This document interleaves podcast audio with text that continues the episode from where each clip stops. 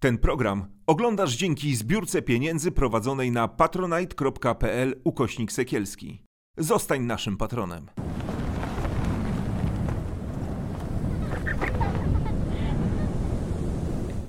Witam wszystkich. Moim Państwa gościem jest dzisiaj e, Lesław Juszczyszyn. E, chciałem Wam na początek dobry pokazać e, książkę Leszka sprzed siedmiu lat pod skorupą milczenia. E, ta książka jest ciągle jeszcze dostępna. To jest e, bardzo przejmująca biografia e, Leszka do pewnego momentu. Nie będę zdradzał kanwy, ale mm, mamy to wszystko: życie, rodzinę, też nadużycie i też doświadczenia Leszka, no, który był księdzem przez 15, zdaje się, lat. No prawie 15 lat w instytucji. w instytucji. No i Tak. 7 lat studiów i potem. no ale piłeś się tam, no bo mm, powiedzmy sobie szczerze, gdybyś został, no to, to wiem, może byś był już biskupem, tylko że wtedy byś już do nas nie, nie, nie przyszedł. Jesteś świetnie wykształcony, cztery kierunki e, zdaje się skończyłeś. Nie wiem, czy wszystkie w trakcie, czy później jeszcze I w również. trakcie i później. Mhm. Ja mam do Ciebie takie zasadnicze pytanie, bo to jest chyba ciekawe.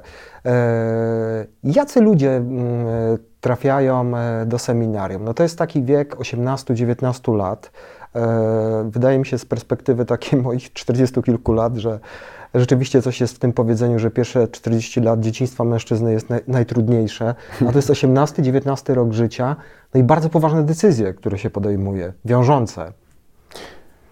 Zwykle trafiają młodzi, niedojrzali chłopcy. Mhm. No bo mając 18-19 lat, Siłą rzeczy. niech się młodzi ludzie nie obrażają, ale jeszcze nie mają tego doświadczenia. Kończą szkołę średnią, e, mają maturę, e, więc e, w tym sensie są przygotowani do życia, bo mogą studiować dalej, czyli mogą, e, e, mogą dalej e, studiować, e, ale to, e, ta metryka nie świadczy o dojrzałości. No jasne. Więc tej dojrzałości nabieramy, natomiast e, z tego, co, e, co zauważyłem, e, będąc w seminarium duchownym, bo pytasz e, o, o to, O jacy ludzie trafiają, tak. więc mogę popatrzeć trochę na swoje motywacje. I tych motywacji było bardzo dużo. E, Ja byłem wychowany przy kościele, Mhm. e, byłem ministrantem, lektorem i, i to było... Taka normalna e, droga. Taka normalna droga. e, Był, był jakiś jeden, drugi duchowny, który mówił, o, ty jesteś e, taki właśnie zdolny i ty byś się nadawał i potem Mhm. jeden, e, jeden e, z nich powiedział mi, ty byłbyś e, nawet dobrym księdzem, a mi to, e, mi to nawet dość pasowało, ponieważ E, uciekałem od życia, to z perspektywy czasu mogę sobie e, to powiedzieć. Uciekałem od życia, nie bardzo wiedziałem, czego chcę. E, wychowywałem się w czasie, kiedy, kiedy w Polsce było naprawdę szaro i, e, i mętnie i nieciekawie. I pomyślałem sobie, będąc e, w kościele, będę miał wpływ na młodzież, będę mógł coś zrobić, a przy okazji nie będę musiał się ożenić, nie będę musiał mieć dzieci, a, a wtedy byłem zablokowany na miłość kompletnie. Miałem fajne koleżanki, miałem przyjaciół, ale na dystans. Ja byłem schowany, miałem schowane uczucia, więc e, nie, nie kochałem i, i, byłem zablokowany na, na, na tego rodzaju emocje i pomyślałem sobie, o, to może być dobre rozwią- rozwiązanie. E, Będę, będę studiował, e, no i spotkam mądrych, dojrzałych ludzi, którzy pomogą mi uporać się z moimi problemami. A to jest ciekawe, co opowiadasz, bo e,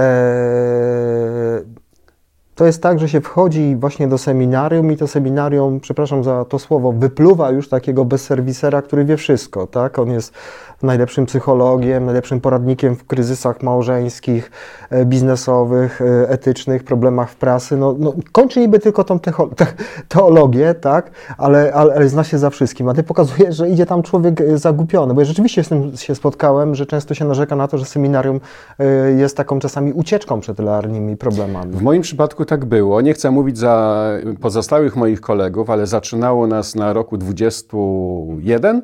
E, święcenia otrzymało siedmiu.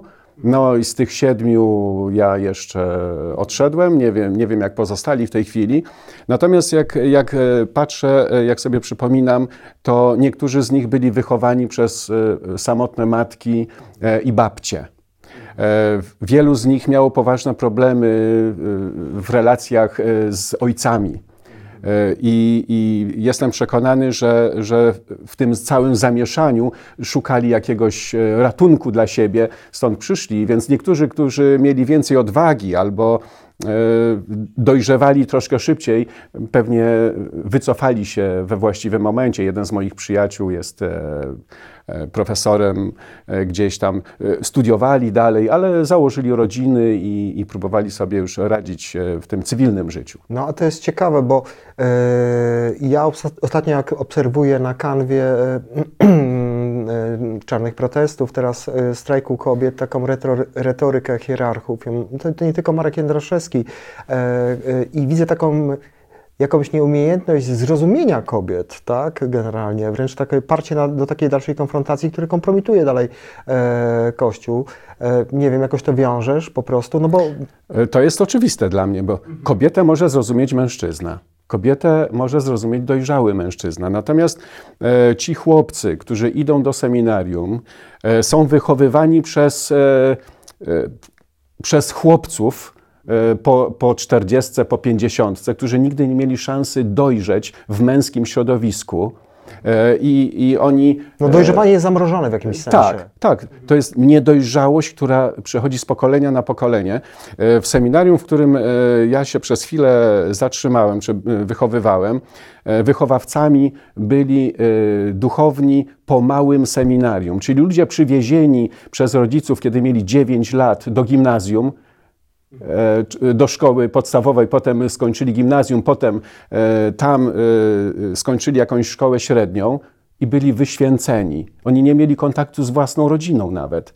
Oni ciągle byli wychowani w tym niedojrzałym męskim, gronie. męskim e, gronie, chłopięcym, e, powiem. I to bez, e, nie chcemy tu żadnych uszczypliwości wygłaszać. Ja nie chcę. Ja, mi bardzo żal tych ludzi, którzy, którzy zostali wpuszczeni w jakiś taki kanał, nigdy nie mieli szansy dojrzeć i co oni mogą, ci niedojrzali, dorośli chłopcy, co oni mogą dać e, chłopcom, którzy przychodzą e, do seminarium? No, nie dadzą im męskości, nie przekażą im e, tego, czego nie mają. Mhm. Stąd... Ja, ja, nie wiem, czy tak dalej jest, ale jeszcze niedawno tak było, że była taka filozofia seminariów, że chowamy tych seminarzystów przed światem, żeby ten świat nam, ich nie ukradł po prostu. Oni chyba razem dwójkami chodzą tylko na spacery. Sami za bardzo tam nie mogą się przynajmniej na początku przemieszczać. I tak sobie myślę, że wychowany jesteś w takim wielkim jednym poście, no bo przecież ta sfera seksualna jest bardzo ważna, buzuje. No nazywajmy rzeczy po prostu po imieniu. No, no, Oczywiście. Nie da się tego tajfunu emocji po prostu zatrzymać. I wyobrażam sobie taką sytuację, że taki młody człowiek no, wychodzi z tego seminarium i przychodzi na przykład do niego ta atrakcyjna kobieta do spowiedzi i mówi mu o swoich problemach z masturbacją. Pięknie pachnie, świetnie wygląda, e, jest e, jakoś kapitalnie e, ubrana. Ty byłeś skonfrontowany z taką rzeczywistością, to znaczy po prostu czułeś się przygotowany do tego, jak to jest w ogóle, co taki człowiek może jej poradzić. No pytam wprost, no bo dla mnie to jest pewien paradoks jakiś. No powiedziałeś na początku, że taki młody, młody duchowny wie wszystko, tak, na każdy temat. Czyli dostał dyskietkę z psychologii, z filozofii, e, z medycyny pastoralnej. No, po prostu wszystko wie po trochę, tak? E, I to jest teoria. E, no i no, przychodzi, tak jak mówisz, małżeństwo, tak. albo przychodzi małżonka z problemami małżeńskimi, no i on ma z góry przygotowaną odpowiedź, bo słyszał różne, różne dobre rady dla małżonków, tylko że on nie ma pojęcia, czym jest małżeństwo. E, nawet e, tak zwani świeccy ludzie kiedyś mi powiedzieli, mówi, o, przeczytaj sobie artykuł, bo ksiądz napisał artykuł o wychowaniu dzieci. Mówię, ale co on może powiedzieć na temat wychowania dzieci? No, bo to małżeństwa mu przychodzą i opowiadają. A ja mówię, no ale jeżeli ktoś nie wstał 10 razy w ciągu jednej nocy do płaczącego dziecka, to nie ma pojęcia o, o tym, co to znaczy. On teoretycznie może coś wiedzieć, dlatego e, ja sam byłem wiele razy e, w, dziwnej sytuacji, ponieważ przychodzili do mnie ludzie i mówili do mnie, proszę ojca. Ja miałem wtedy 30 lat. E, przychodzi, przychodzi dojrzała kobieta, która ma męża i dzieci i mówi do mnie, proszę ojca, jak ja mam, jak ja mam rozwiązać ten problem małżeński, bo mąż chce ode mnie albo nie chce ode mnie e, i pyta o seks, o, o współżycie małżeńskie, a I co ja jej mogę powiedzieć? No to módl się, no to tak, odmów dziesiątek różańca, nie? No ale właśnie, bo ten czas między 18 a 25, czy tam 19 a 25 roku życia e, jest, jest takim czasem e, chyba takiej dużej kreatywności właśnie, tak mi się przynajmniej wydaje. E, jak sobie ludzie radzą z tym zamknięciem? Jak sobie ty radziłeś po prostu? Czy to jest jakiś program zajęć, który, który, który ma ten czas zapełnić? No to jest normalne, że mamy jakieś kryzysy, chcemy trochę się pobawić, poszaleć generalnie. To, to jest, jest taka możliwość, czy nie? Czy to też jest zamrożone i, i trzeba gdzieś tam jakieś podziemie się tworzy na przykład? W seminarium jest tak, że są zajęcia zaplanowane od godziny 6 rano do 9, 10 wieczorem.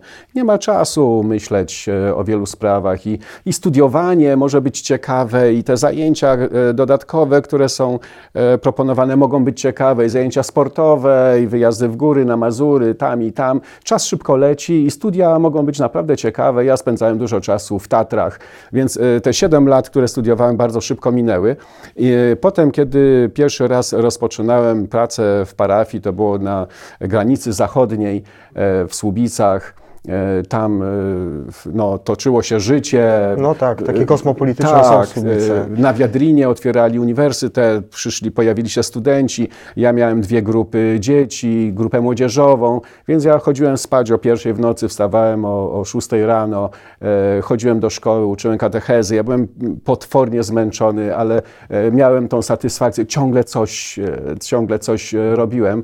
Więc ci młodzi ludzie, którzy poszli E, z taką nadzieją, że będą mogli służyć ludziom, że będą mogli służyć Bogu. A tacy są przecież. Ja miałem e, te motywacje różne, wiele tych motywacji się składało na to, że poszedłem e, w tamtą stronę, poszedłem do seminarium, to jednak też była taka motywacja, żeby, żeby służyć, żeby, żeby dać coś ludziom z siebie. Więc ja się spalałem w tym wszystkim i myślę, że jest wielu takich, którzy się spalają. E, i nie mają, nie mają za wiele czasu e, nawet e, ale zastanawiać co, żeby, się. Ale też z drugiej strony, żeby przepracować pewne emocje też z drugiej strony. Ale właśnie, mhm. po czterech latach takiej intensywnej pracy ja byłem tak wypalony, że powiedziałem mojemu przełożonemu przed wakacjami, mówię, słuchaj, ale ja muszę jechać na jakieś rekolekcje dla siebie i pojechałem na rekolekcje ignacjańskie. Wtedy prowadził je e, Józef e, Augustyn, nie mylić ze świętym Augustynem, tak, tak. ale Józef jezuita, Augustyn, tak. jezuita, tak, naprawdę fajny człowiek i kiedyś, kiedyś emocje sięgnęły takiego, tak, takiego zenitu, że w rozmowie z nim wybuchnąłem, zacząłem krzyczeć. Te, te rekolekcje są naprawdę dobre, one do, do, tak, tak. były dobre dla mnie. naszym widzom, że to są rekolekcje, które wymyślił święty Ignacy w milczeniu, tak? Takim to milczenie sprawiło, że wreszcie e, doszły do mnie te prawdziwe uczucia i, i to, to, co słyszałem, e, to, o czym rozmawialiśmy, sprawiło, że, e, że, że coś ze mnie gwałtownie wypłynęło, wybuchnąłem, a on mówi: Ty potrzebujesz terapii, ty potrzebujesz pomocy.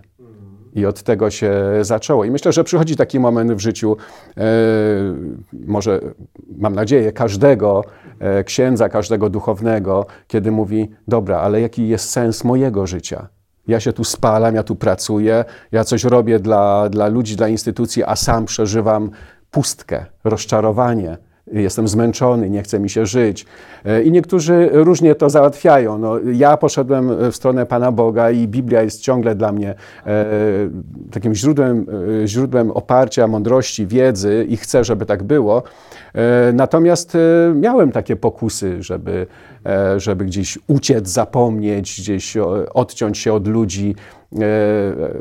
No i koledzy różnie to robili i robią, że, że naj, najprostszą rzeczą jest alkohol, e, narkotyki, jak, jakieś takie rzeczy, sporty ekstremalne. No wszystko to, co zabija w nas ból wszystko to, co łagodzi w nas e, ten, ten ból spowodowany tą pustką, która się pojawia nagle. Czyli taka adrenalina, która po prostu znieczula te niepokoje, tą uśpioną adolescencję, e, ten brak takiego, tak. takiego dojrzewania. I to się dzieje na tysiące sposobów, bo my mówimy, no, alkohol, narkotyki, jakiś tam seks, e, a, a, a to są tysiące sposobów na, na złagodzenie tego bólu i, i I, Ale i też wielu- są takie stworzone warunki do temu, no bo w zasadzie księży, jeśli chodzi o wydatki finansowe, no nikt nie kontroluje, tak, generalnie. Ty, ty, ty widziałeś, jak to wygląda w kościele, tam nie ma nad tym żadnej kontroli. No wtedy, kiedy ja byłem, to nie było żadnej kontroli. Przełożony nosił pieniądze w kieszeni e, i I nikt nie sprawdzał, czy sobie, kiedy, czy kiedy tam chciał, uszło, to rozdawał, kiedy nie chciał, to nie rozdawał. E, I inaczej to może w, y, ja w, byłem w takim zgromadzeniu zakonnym, natomiast e, w diecezji, z tego co się orientuję, jest tak, że każdy e, dostaje pensję po prostu. Nie. Nie jest Nie tak. każdy? Znaczy nie, to z tego co wiem, to, to, to z tymi pensjami to różnie bywa i, i w ogóle finanse kościoła to temat na osobną rozmowę, bo tam nie ma żadnej po prostu kontroli, żadnej przejrzystości. A to i zależy od żadnego, biskupa, od żadnego, no zależy, zależy. Wiem, że inaczej to wygląda na pewno w Opolu, inaczej wyglądało e, w Gdańsku. Natomiast to, co wydaje mi się jest też trudnym doświadczeniem wśród księży, a może łatwym właśnie, e, no to jest kwestia związana z władzą jednak. Ja rozmawiałem z takim diakonem, Robertem Samborskim, który opowiadał o swoich pierwszych wrażeniach w seminarium, kiedy usłyszał takie zdanie. Kiedy biskup przemawia, na, nawet Chrystus musi milczeć. Nie? E, generalnie to też chyba jest taki ważny aspekt, który mm, no, każe zniuansować. Te ideały właśnie zetknięją się z rzeczywistością po prostu. No bo to są układy międzyludzkie. Jak masz przełożonego wariata, no to no, słabo może być. Ty miałeś takie doświadczenia. Ja miałem taki w, w, miarę, w miarę normalnych e, przełożonych. Jeden nawet był na tyle mm, ciekawy, że kiedy już e, decydowałem się e, na to, że coś muszę zmienić w końcu w swoim życiu, poszedłem do niego i poprosiłem o pieniądze na terapię, a on mówi, no tak, nie dbamy o siebie, a później potrzebujemy pomocy. Oczywiście, że dostaniesz. Był na tyle wyrozumiały, e, że e, pomógł mi rzeczywiście sfinansować e, roczną terapię. Sam był alkoholikiem i prawdopodobnie z tego powodu był na tyle wyczulony na, na moje potrzeby. Także jestem mu wdzięczny dzisiaj. Mam nadzieję, że on się zdrowo trzyma. Mhm. Wiesz co, y, też zastanawiałem się nad tym i chciałem Ciebie o to spytać, bo y, w zasadzie w ostatnich latach y, mamy taką e, narrację, kiedy mm, Kościół szuka sobie takiego wyjaśnienia wszelkich patologii, jakichś zjawisk, które są tam niepożądane. I to jest taki niebezpieczny grunt, bo e, takim, takim, takim e, właśnie usprawiedliwieniem wszystkiego, e, między innymi dla pedofilii, ale też nie tylko, to jest kompletnie oderwane chyba jednak od badań naukowych, jest homoseksualizm. Ty uważasz, że to jest mit, bo ja przeprowadziłem kilku, kilka wywiadów z księżmi i na przykład e, Tomasz Doyle, amerykański dominikanin, mówił, że e, no to jest ponad 50% e, wśród duchownych. E, m, Kozens był taki rektor seminarium w Cleveland, katolicki duchowny, mówi, że e, księża to jest gay professional, że się mówi, że to już jest zawód gejowski. Ty to obserwowałeś? To jest mit, czy, czy, czy rzeczywiście coś jest na rzeczy? No, oczywiste jest to, że nie jest to mit. No, wiemy, że problem y, rzeczywiście jest i, y, i ni- nic dziwnego, że w tym środowisku duchownych jest ich pewnie więcej Ale to jest niż... ten kod silnej matki, która prowadzi tego chłopa, chłopca do, do, do, do, do, do, do seminarium. To jest duży temat. Ja myślę, że to jest duży temat. Możemy mówić e, o e, przyczynach rozwojowych, możemy mówić właśnie o na- nadopiekuńczej matce, o braku ojca. No, ale jakoś mi się to nie skleja, bo z jednej strony mamy taką nagonkę dużą na mniejszości sek- homoseksualne, e, na mniejszości, przepraszam, seksualne, e, a z drugiej strony no, e, ewidentną ekspozycję nad, nad reprezentację e, gejów w tym środowisku, nie? E, Co to jest za, za, za mechanizm? No bo ja też mam różne odpowiedzi na ten temat. Ty się kiedyś nad tym zastanawiałeś? E, Wiem, że jest wiele przyczyn e, tego zjawiska. Natomiast jeżeli chodzi o środowisko, e, środowisko duchownych, to mogę tylko z własnego doświadczenia powiedzieć, że ich spotkałem. Tak? Jeden z moich profesorów, e, który uczył katechetyki, przygotowywał nas, młodych, młodych mężczyzn, do prowadzenia katechezy, a to wy, wydaje się jest jak to powiedzieć, odpowiedzialne zadanie, tak? Przygotować młodych ludzi do zdrowego życia. Nie tylko chodzi o to, żeby, żeby ktoś był zdrowym chrześcijaninem, ale żeby był zdrowym człowiekiem. Więc e, nas uczył tego e, homoseksualista, który miał odpowiedni tytuł. I kiedyś, kiedyś koledzy opowiadali, że po wódce ktoś go zapytał, ty powiedz, jak to było w małym seminarium. On był wychowankiem małego seminarium. On się rozpłakał i powiedział, nie, nie opowiem i uciekł. Czyli aż tak Otóż traumatyczne. w tym małym seminarium ci chłopcy byli wykorzystywani seksualnie przez mężczyzn. Jednym, e, jednym e, z powodów e, homoseksualizmu może być zafiksowanie na męskiej seksualności w dzieciństwie. Ja kiedyś pracowałem w poradni z takim mężczyzną, który sam się zgłosił, miał żonę, miał dzieci e, i jednocześnie e, miał niechciany pociąg do własnej płci. Tak to nazywa. Tak, niechciany pociąg do własnej płci. Tak się zdarza. I on mówi: Ja to czuję, to jest fakt, ale ja tego nie chcę. Pomóż mi. I kiedy, kiedy zastanawialiśmy się e, nad, e, nad przyczyną e, tych je, powstania tych jego niechcianych odczuć, on opowiedział historię o tym, że jako młody chłopiec został wysłany do, do dziadków na wakacje pociągiem i w tym pociągu zgwałcił go mężczyzna.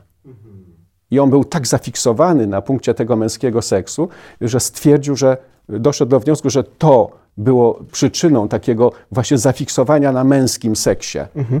A powiedz, y, w, w, w, czasie swojej no, edukacji, te, tego czasu, kiedy y, spędzałeś w seminarium, ale też wiem, że zawsze te domy zakonne mają to do siebie, że tam jest mimo wszystko cały czas jakaś formacja, jest jakaś otwarta rozmowa na temat seksualności. No przecież to jest taki wiek, kiedy e, no, buzują te emocje i, hmm. i, i z jednej strony jest taka, takie, takie mówienie, że to jest grzech, że to jest nieczyste.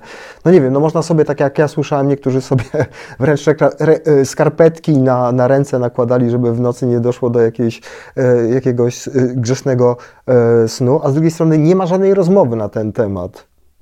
No i kiedy ja byłem, nie było takiej rozmowy. Ja mogę mieć tylko nadzieję, że dzisiaj jest inaczej. Nie, nie, wiem, nie wiem, jak Kościół dzisiaj sobie z tym radzi, jak seminaria sobie z tym radzą. Widząc, jak, jak Kościół sobie radzi z innymi sprawami, to możemy się domyślać, jak sobie radzi z tą, e, czyli e, prawdopodobnie sobie. sobie nie radzi.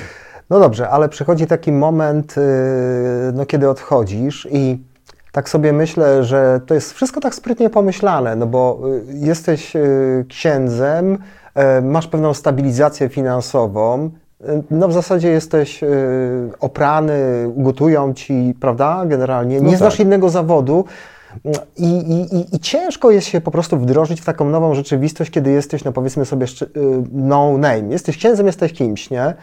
Myślisz, że to jest często hamulec, który sprawia, że zwycięża oportunizm i ktoś, kto by chciał odejść, nie odchodzi? Oportunizm to jedno i pewnie y, ma miejsce, natomiast częściej występuje obawa. A co ja zrobię, kiedy nie będę mógł y, być księdzem? Kto mnie, y, kto mnie przyjmie do pracy. Poza tym, a co ja potrafię robić tak naprawdę? Ja mając y, doktorat z teologii, y, kiedyś skończyłem technikum mechanizacji rolnictwa, więc mam prawo jazdy na ciągnik ale co ja, będę, co ja będę robił. Potem kończyłem jakieś, jakieś studia z zarządzania i to mi pomogło i mogłem pracować właśnie w tym kierunku. Natomiast wielu ludzi, wielu duchownych nie radzi sobie z praktycznym życiem. Bo jeżeli masz ugotowane, masz wyprane, masz wszystko podane, masz zapłacone. dach nad głową, masz zapłacone i nagle wychodzisz na ulicę, to tak jak wychodziłbyś po 10-15 latach z więzienia i co? Nie, y, niewiele potrafisz zrobić, nie rozumiesz otaczającej cię rzeczywistości, ale są, są też takie sytuacje, kiedy y, nie tylko, że ty się boisz, ale inni się ciebie boją albo są wrogo nastawieni, ponieważ, e, tak jak to było w przypadku jednego mojego kolegi, e, z kurii były telefony do przedsiębiorców, żeby przypadkiem nie przyjąć takiego zdrajcy do pracy. On się dziwił, że nie może znaleźć pracy, aż w końcu przyszedł e, do, do kolejnej, do, do kolejnego miejsca i, i kobieta na jego widok mówi: Tak, pana przyjmę, tak, przyjmuję pana. On był zdziwiony, bo jeszcze za bardzo się nie przedstawił, nic nie powiedział. Mówi, tak, dzwonili, dzwonili do mnie z kurii, dlatego e, powiedzieli, żeby pana nie przyjmować do pracy, dlatego właśnie pana przyjmę, bo, bo, bo ich nie lubię. A powiedz mi, a co było taką masą krytyczną? Co, bo pewnie to, to, to była decyzja u Ciebie przemyślana, odejście. No, to, trudno jest odejść, prawda? Generalnie mówiliśmy sobie przed chwilą, że paradoksalnie chyba łatwiej mm, przy tej e, całej sytuacji zostać. Co, co było takie dla Ciebie jakimś takim, e, tam, no nie wiem, coś, co, co, co, co sprawiło, że, że no, nacisnąłeś tam klamkę hmm. i, i powiedziałeś, wychodzę? E, my mówimy o takich e, trudnych, smutnych, bolesnych sprawach. Mówimy o tej degrengoladzie Kościoła katolickiego w Polsce. E, natomiast są jakby dwie, dwie rzeczy, które warto podkreślić. Problemy moralne, Aha. ale też teologiczne. Rozumiem. W moim przypadku były to te dwa powody. Że problem teologiczny, że powody teologiczne, powody moralne. Moralne, można powiedzieć, bo to jest ciekawe. I kiedyś, e, kiedyś siedziałem w takim domu e, dla e, księży emerytów. Tam pomieszkiwałem po powrocie z zagranicy. To Co było to było za towarzystwo? To, to było w, w Krakowie. I to byli właśnie emerytowani duchowni którzy jeszcze byli w miarę pełni sił, jeszcze mogli czasem mszę odprawić, zresztą mieli obowiązek codziennie mszę odprawiać e, w, w kościółku. E, natomiast e, już byli wyłączeni z takiej czynnej służby. Kiedyś tak siedzę, siedzę przy stole, przy jakimś obiedzie, w powietrzu unosi się zapach moczu, rozmowy się nie kleją, jakiś taki dziwny bełkot, Jeden, e, jeden to e, były pedofil, który był wychowawcą w małym seminarium. Jeden e, schizofrenik, kilku alkoholików, jeden stary homoseksualista. No i, ja między, między, między nimi. W tym, w tym domu jeden z moich kolegów popełnił samobójstwo. Ja tak patrzę na nich i, i słyszę taki wewnętrzny głos. E, ja w miarę zdrowy jestem, głosów na co dzień nie słyszę, ale, ale taki wewnętrzny głos, i ty wkrótce będziesz tak wyglądał. To był dla mnie szok. Wróciłem do tego swojego pustego pokoju. Ciągle mam w uszach ten, ten bełkot, te, te, te rozmowy dziwne e, i ten głos. I ty wkrótce będziesz tak wyglądał. Ja, ja byłem przerażony. I ja byłem przerażony. Ale co się stało? W środku nocy obudziłem się na podłodze w łazience. Pierwszy raz w życiu zemdlałem z tego napięcia, z tej, z tej niemożności zmiany sytuacji. Ja nie wiedziałem, co ja mam ze sobą zrobić. Że do domu nie wrócę przecież. Przecież co ja mam ze sobą zrobić? Ja, ja z tego napięcia e, po prostu zemdlałem. Ja się obudziłem, e, wstałem e, e z kolan, patrzę do lustra, twarz, e, twarz zdarta. Jechałem prawdopodobnie po ścianie w łazience, a zakonnica e, rano w kościele popatrzyła na mnie i aha, zapił pałę. No tak, to normalne. Ja myślę, dość, dość. Coś we mnie krzyczało, dość. Poszedłem do mojej znajomej, która była psychologiem. Ona mówi, słuchaj, no twój organizm powiedział, że już dalej tak się nie da no musisz coś zmienić. No i dała mi e, telefon e, do dobrego psychoterapeuty w Warszawie, ja mieszkałem w Krakowie. Mówi, a w międzyczasie to musisz wziąć jakieś tabletki na wyciszenie, bo, bo nie jesteś, musisz jeść, musisz spać, musisz pracować, musisz coś robić, a kiedyś, więc e, domyślam się, że gdyby organizm nie dał mi takiego mocnego sygnału, to, e, to może bym dłużej to ciągnął i być może dłużej bym mówił: dam radę, dam radę, jeszcze przetrwam, szukając jakiegoś uzasadnienia. E, ale to, co słyszałem, i to mnie tak przeraziło, i do mnie dotarło to, że, że ja żyję w bagnie jakimś że, że ja tonę, że, że to, to nie jest normalne życie, że co innego czytam w Biblii, a e, Biblia, Biblia mówi, że, że, że e, Jezus przyszedł po to, żeby owce miały życie i miały w obfitości. Żebyśmy byli właśnie zdrowi, żebyśmy mieli normalne życie, żebyśmy mieli e, owocne życie, tak? A ja się w sobie zapadam. Więc, czy ten pierwszy powód, o którym mówię, moralny, I te, te wszystkie rzeczy, o których wspomniałeś, te, te jakieś finansowe malwersacje, jakieś wykorzystywanie dzieci, jakieś, jakieś te homoseksualne wyskoki, jakieś takie rzeczy, one ciągle, ciągle mnie dotykały, to do mnie te sygnały dochodziły, ale ciągle, ciągle myślałem, dam radę, ja będę inny. Ale jak upadłem na podłogę, kiedy zemdlałem, to myślałem, nie, chyba nie dam rady. Muszę, muszę, muszę skorzystać z pomocy. Ale ważniejszy dla mnie był jednak y, powód teologiczny. Kiedyś jakiś listopad, listopad przyszedł, no i czytam te tak zwane wypominki, ludzie przynoszą kartki i pieniądze, żeby się modlić za ich zmarłych, prawda? No ja tam i wyczytuję te imiona i tak myślę sobie, Boże Święty, ale w Biblii nie ma czyśćca, no. Absurd. W Biblii nie ma o czyśćcu, a ja tu no, klepię te, e, klepię setki, setki imion, nazwisk. Każdy e, sposób jest dobry, żeby wyciągnąć kasę może. I o co tu chodzi, nie? Co ja, co ja tu robię? E, I wiele, wiele innych rzeczy, nie, nie będę e, przeglądu robił katechizmu katolickiego teraz i, i porównań e, z Pismem Świętym. Są lepsi, którzy już to zrobili. Takie porównanie, co jest w katechizmie, co jest w Biblii i, i że jedno z drugim się nie zgadza. Że, że w tym praktycznym życiu Kościoła katolickiego są rzeczy sprzeczne wyraźnie z Biblią, z, z tym, co jest napisane w Piśmie Świętym. Więc ja tak myślę, to komu ja służę? To, to czemu ja mam służyć? To albo, albo wierzę Bogu, no albo służę jakiejś chorej instytucji. Dla mnie ta instytucja, e, no, no, jak ją widziałem od wewnątrz, zwłaszcza, no to była chora totalnie. E, I, I, myślę, nie, nie chcę, nie chcę służyć w tej chorej instytucji. Ja jestem dzisiaj e, pastorem w ewangelicznym kościele, I jestem wierzącym facetem, jestem wierzącym chrześcijaninem.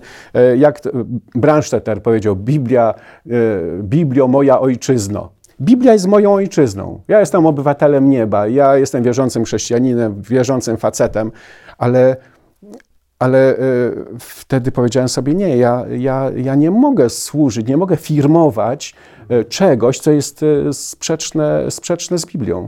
No ty, czyli y, przezwyciężyłeś ten taki oportunizm, ale też wiem, że potem jak odszedłeś, w pewnym momencie zajęłeś się innymi, w cudzysłowie, zdrajcami, bo tak często są te osoby nazywane. E, i, wiem, że dla niektórych z nich to było bardzo trudne. Ważenie tej decyzji, czy odejść, no ale też odnalezienie się w takim normalnym życiu, gdzie no nie jesteś panem księdzem czy księdzem, e, któremu się wszyscy kłaniają w pas w małej miejscowości, tylko trzeba no, podciągnąć te rękawy i zabrać się po prostu do roboty. Hmm. O, było kilka takich. E, pomogłem kilkudziesięciu duchownym. E, przejść na drugą stronę. Tak, przejść na drugą stronę. E, kilka rozmów e, było dramatycznych. Wydawało mi się, że już dużo wiem na temat tej instytucji, ale e, pewnego razu przyszedł z Lublina młody ksiądz po kilku latach e, kapłaństwa i mówi, kiedy wracam wieczorem do siebie, to na fotelu podkładam, e, podkładam sobie gruby ręcznik, e, ponieważ mam biegunkę z krwią i, i, już po prostu jestem rozstrojony, więc jeżeli, jeżeli ty mi nie pomożesz, to ja popełnię samobójstwo. I jego opowieść była tak dramatyczna, kiedy mówił o tym, jak do niego odnosi się proboszcz, jak go traktuje pani gosposia, to pierwsze, pierwsza moja myśl, to niemożliwe. Tak jak zwykle reagują ludzie, kiedy słyszą różnego rodzaju opowieści o instytucji kościelnej, myślą, nie, to niemożliwe. Kiedy jakaś e, zakonnica albo była zakonnica opowiada e, historię z, z, z tego życia, to ludzie myślą, nie, to niemożliwe. I pierwsza moja taka, e, też taka myśl była, nie, to niemożliwe, a druga, posłuchaj go. Więc, więc go posłuchałem i mówię, słuchaj, masz prawo żyć nie musisz tam tkwić. I on dzisiaj jest e, wolnym człowiekiem, pracuje. E, natomiast ta droga jest bardzo trudna, ponieważ tak, traci, traci przyjaciół, traci rodzinę, traci kontakty, e, jest najczęściej sam, nie ma pieniędzy.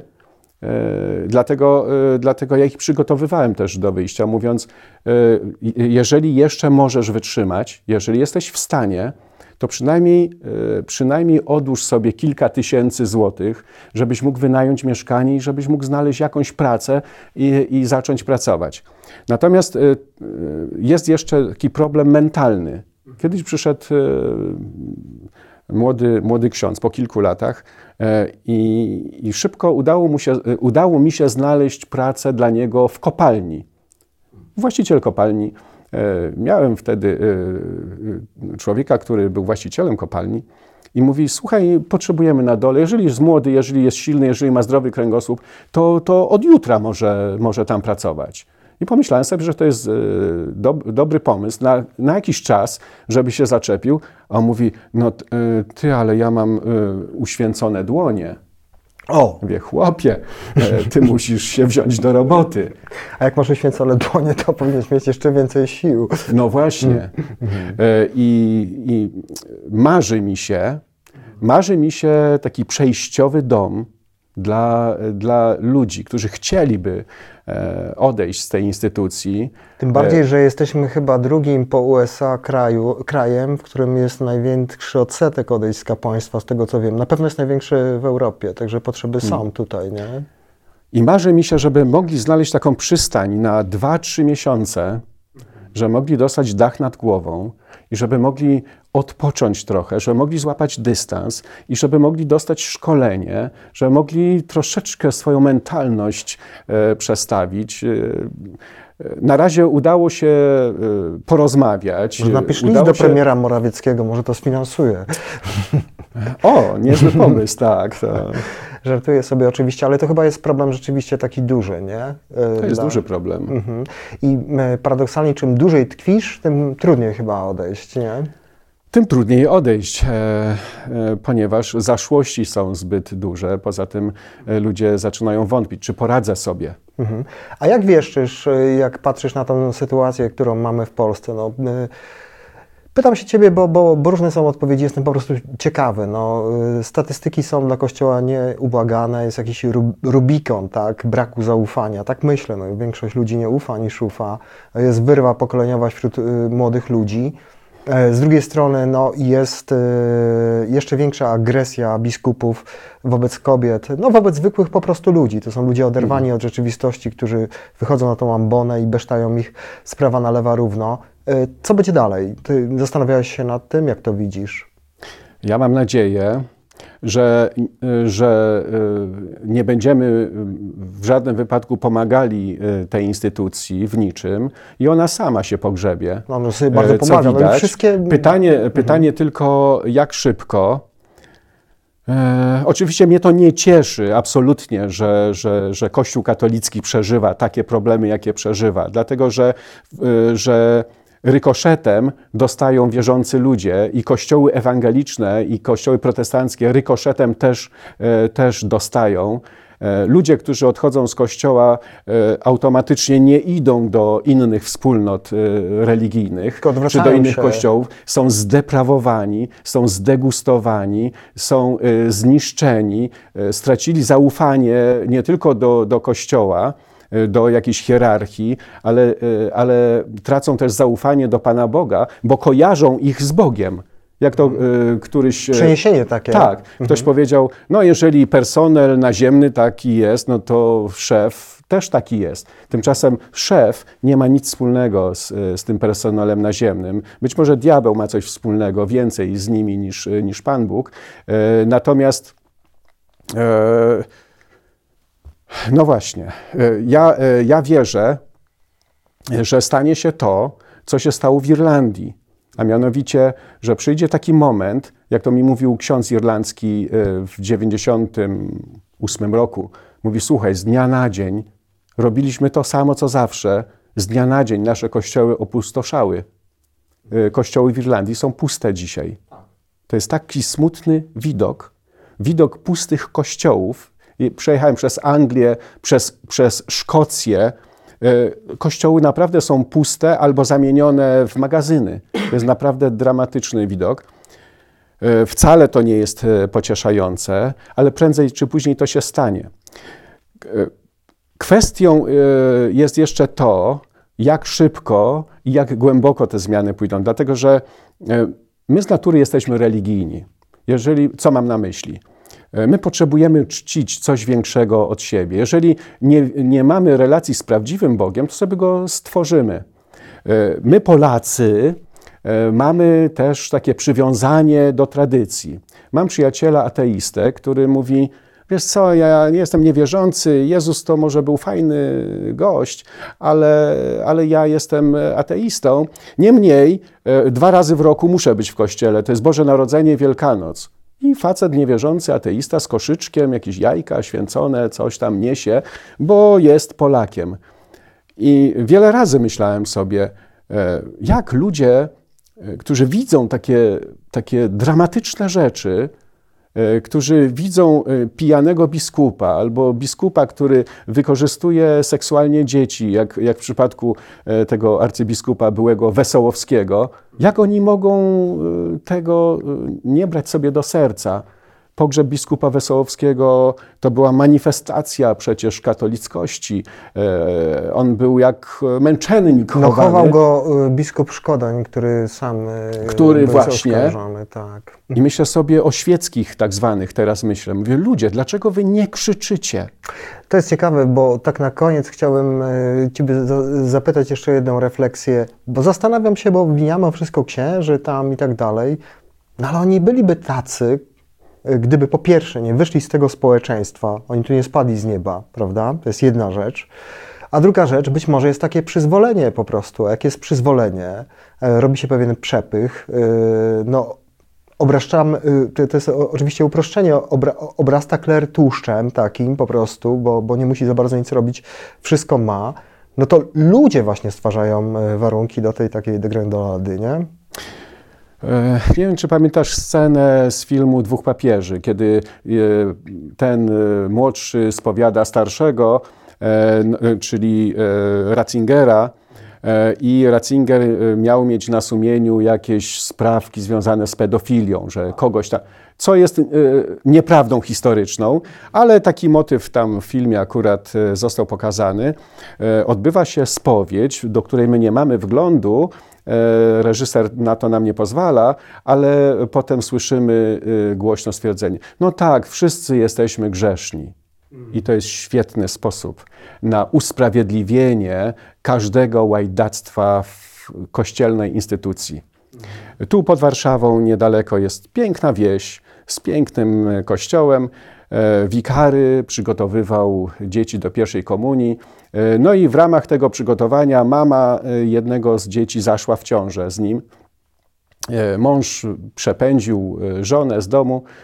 Sprawa stała się głośna, przyszła niedziela, a proboszcz, którego, którego policja znalazła w agencji towarzyskiej, wychodzi na, i, i ludzie wiedzą o tym, wychodzi na ambonę i mówi, co się na mnie patrzycie, co? Wikary ma swoje życie, ja mam swoje życie, a wy co, nie grzeszycie? I wszyscy wrócili do normalności. E, nikt nie wyciągnął żadnej konsekwencji. E, czyli, e, jak ja to tłumaczę, ten katolicyzm polski ma niewiele wspólnego z chrześcijaństwem. Jest to religijność, w wielu sytuacjach bardzo głęboka religijność, czyli chodzenie do kościoła, spełnianie praktyk religijnych, ale jest to religijność bez Boga.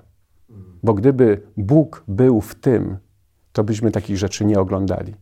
To ludzie braliby sobie do serca własne grzechy, e, nawracaliby się albo piętnowaliby grzechy, mieliby odwagę to wyczyścić. Natomiast, natomiast ja aż się dziwię, że, że e, biskupi, ta cała hierarchia, na co pozwalają tak zwani świeccy swoim milczeniem, po prostu nie tylko, że przemilczają e, jawne grzechy, e, mówiąc językiem religijnym, ale jawne zło i jakby nie chcą z tym nic zrobić. Przychodzą nad tym do porządku dziennego i mówią, a no wszyscy jesteśmy grzesznikami. To jest świetny myk. Na koniec y, proszę każdego z gości, by powiedział coś ostatnie o, o, o książce, którą ostatnio y, y, czytał, czyta. Ty przyniosłeś Biblię, tak? No to powiedz kilka słów, dlaczego ona jest dla Ciebie taka ważna. No bo mniej więcej ją znamy i bardzo mnie interesuje właśnie, żebyś tak indywidualnie powiedział e, od zacznę, siebie. zacznę tak trochę żartem. Kiedyś e, mówca pewien na dużej konferencji zapytał, kto z Was czytał ostatnio jakąś żydowską książkę? No, towarzystwo, a to była konferencja jakaś chrześcijańska, nikt nie podniósł ręki, mówi, nikt z Was nie czytał Biblii.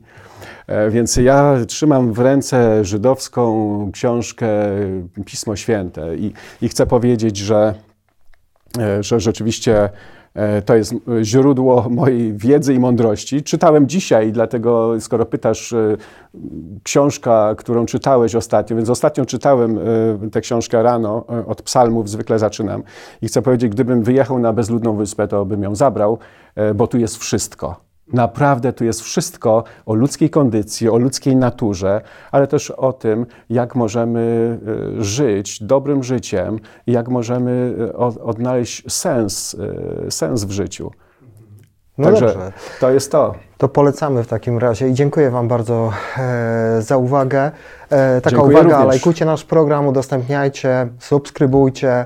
Piszcie w uwagach, kogo chcecie tutaj zobaczyć. E, mamy otwarte uszy, jesteśmy otwarci na, na, na, na Wasze wszelkie propozycje. Życzę wszystkim miłego dnia albo wieczorem, w zależności od pory dnia, kiedy nas oglądacie.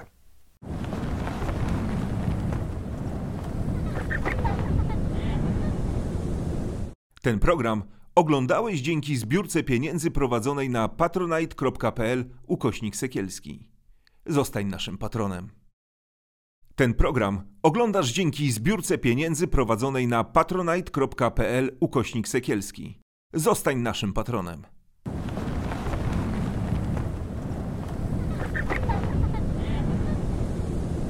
Bohaterką odcinka jest Magdalena Lusia Żagałkowicz, aorta w sercu miasta, miejscu systemowej pomocy ludziom w kryzysie bezdomności. Wolontariuszka, działaczka społeczna, kreatywna dusza. Dzień dobry. Dzień dobry. Jak zaczęłaś ten rok?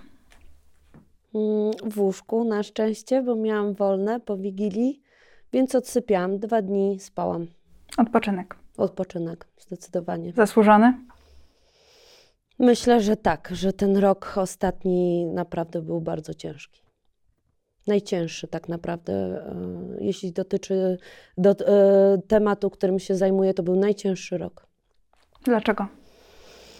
Mm, dlatego, bo COVID sprawił, że tych, te osoby, którym pomagam, znalazły się w bardzo trudnej sytuacji, jeszcze trudniejszej niż były rok wcześniej. E, oprócz tego e, obnażył jakby jeszcze bardziej to, jak system bardzo nie działa w temacie wychodzenia z kryzysów i kryzysu bezdomności.